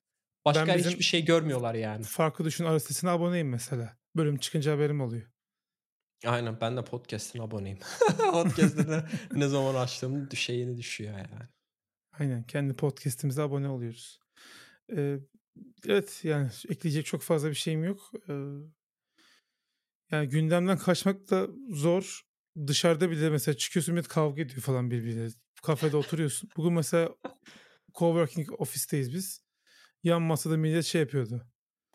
Abi öyle olmuş, böyle olmuş, o da böyle demiş, şöyle olmuş falan. Millet herkesin gündemi bu ya. Hakikaten kaçmak çok zor. Zaten dikkat ekonomisi konusu bu Matthew Crawford'un şey kitabı var. World Beyond Your Head diye. Hıı. Hakikaten işte bu şey örneğini vermiştim ya Kore'de sana otobüs biletine paran yoksa anlatan adam. O, o kitapta var işte o. Yani adam şey diyor yani şu, şu an diyor yani bu çağda diyor bir insanın diyor dikkatini kontrolü insanın kendisinde değil diyor. Sürekli dikkat başka yere çekiliyor. Yani kafanızı yere bakarak yürüseniz bile bu sefer sesli bir şekilde sana reklam yapıyorlar ya dikkatini çekmeye çalışıyorlar. Hakikaten böyle sessiz sakin oturup kafa dinlemek çok zor. Odaklı çalışmak çok zor. e, Bölünmeden çalışmak. Ofislerde de zor. Bence remote'da da çok zor. Çünkü şeyin kontrolünü yani bildirimleri falan kapatsam bile yani çok sağlam bir şeye ihtiyacım var. İradeye ihtiyacım var. Her şeyden uzak kalabilmek için. Çünkü bir şey oluyor arkadaşın sana gönderiyor. Gördün mü? Böyle demiş. Şu Hıı. siyasetçi bunu demiş falan. İşte do not disturb'ı açacaksın ya da telefonunu direkt kapatacaksın. Bak o güzel bir yöntem bu arada. Power tuşundan kapatmak. 5 saat şey yapmayacaksın. O zaman da şey oluyor işte. Acil bir şey olsa annem babam mesela ya e, belli bir Hıı. yaşın üzerinde haberim olmayacak diyorsun falan. Ya zor iş ya hakikaten. Ee, zor bir e, dünya. Ama bir şekilde denge bulunabilir diye diyor. Bu Apple'ın Focus ve Do Not Disturb şeyleri çok güzel. Onu çok katı kurallar koyarak engelleyebilirsiniz yani. Mac'te de güzel çalışıyor bildiğim kadarıyla. Sync oluyor otomatik olarak. Ha, senkron. Ha, birini Do Not Disturb açınca diğeri oluyor da şeyleri Focus'lar da sync oluyor mu? Hıı. App'ler sync olmuyordur. Oldu onlar da oluyor. Onlar da oluyor. Focus'lar da sync ha, bir oluyor. şey Mac app'iyle iOS app'ini eşliyorlar mı? ID'lerini. Aynen, aynen. Sen Ha, mesela işte orada kişileri bile şey yapabiliyorsun. Sadece Seyfettin'den mesaj gelirse mesela bildirim Kişileri atıyorsun. biliyorum. Kişiler şey senkronlanıyor. oluyor. O normal. Uygulamalarda da oluyor. Aynen. Benim Focus modlar zaten Hmm. hemen şey oluyordu yani çalışıyordu ben e, otomatik bakıyordum. Kapatınca da otomatik ikisine birden kapanıyor. Herhangi bir Mesela ben Telegram'ın çok fazla şey yaptığını fark ettim. Ee, dikkat dağıttığını fark ettim. Bence Telegram beni şu an mesela diğer her şeyden daha çok dikkatimi dağıtıyor. Zaten Twitter'daki bildirimlerim hepsi kapalı. Yani siz bana bir mesaj falan attığınızda bana bildirim gelmiyor. Hı. Ben ancak Twitter'a girdiğimde mesaj varsa falan diye görüyorum. Onu da artık bozdular. Düzgün de göstermiyor. Ya benim grup Mesajları chat özel olan her şey gerekiyor. her şeyin mutlu yani. Ben sadece Aynen. bireysel gelen mesajlardan şey yapıyorum ki zaten bana Gün, çok gün sonunda mesaj girip bakmalık falan. Yani bunları Aynen şey yani öyle lazım. şeyler. Tabii zamanın olduğunda bakmalısın. Ya bir de işte şey diyorlar ya abi yani biz geçen bölüm konuştuk ya karamsarlığa düşmeyin aslında. Siz ne kadar odağınıza sahip olursanız ve odağınıza siz kendi ilgili alanınızla ilgili şeylere odaklanırsanız yani ne gündem sizi etkileyebilir ne ekonomi sizi etkileyebilir. Aslında orada anlatmaya çalıştığımız şey biraz buydu yani. Çünkü birkaç kişi böyle e, olumsuz yorum yazmış, eleştirmişler bizim bu karamsarlık konusuyla ilgili. Ben o yüzden hep söylüyorum. Çok az o geldi ya. böyle Bir iki sürekli tane falan geldi. o yüzden Çok hani geldi. kitap tavsiyeleri veriyoruz. Yani hani siz kendinizi ne kadar geliştirirseniz o kadar e, Az böyle karşı kapılacaksınız. Arka az karamsarlığa kapılacaksınız. ve Dış etkenlere karşı aslında daha çok korunaklı olacaksınız. Yani işte zaman yönetimi de olur burada. İşte başkalarının şeyini ben bunu niye dinleyeyim? Çünkü işte benim şunu okumam gerekiyor. Çünkü e, bu şekilde hani e, daha böyle ka- kabaca yenilmez bir insanı bulacağım. Yani hani anti-fragile e, bir insan haline geleceğim. Aslında önemli olan şey o. E, biz onu tavsiye etmiştik orada. O yüzden yani olabildiğince fokusunuzu tek bir yönde toplayıp kendi istediğiniz şeyi yapsanız bile aslında çok daha e, karamsarlığa kapılmama şeyiniz artarmış gibi geliyor.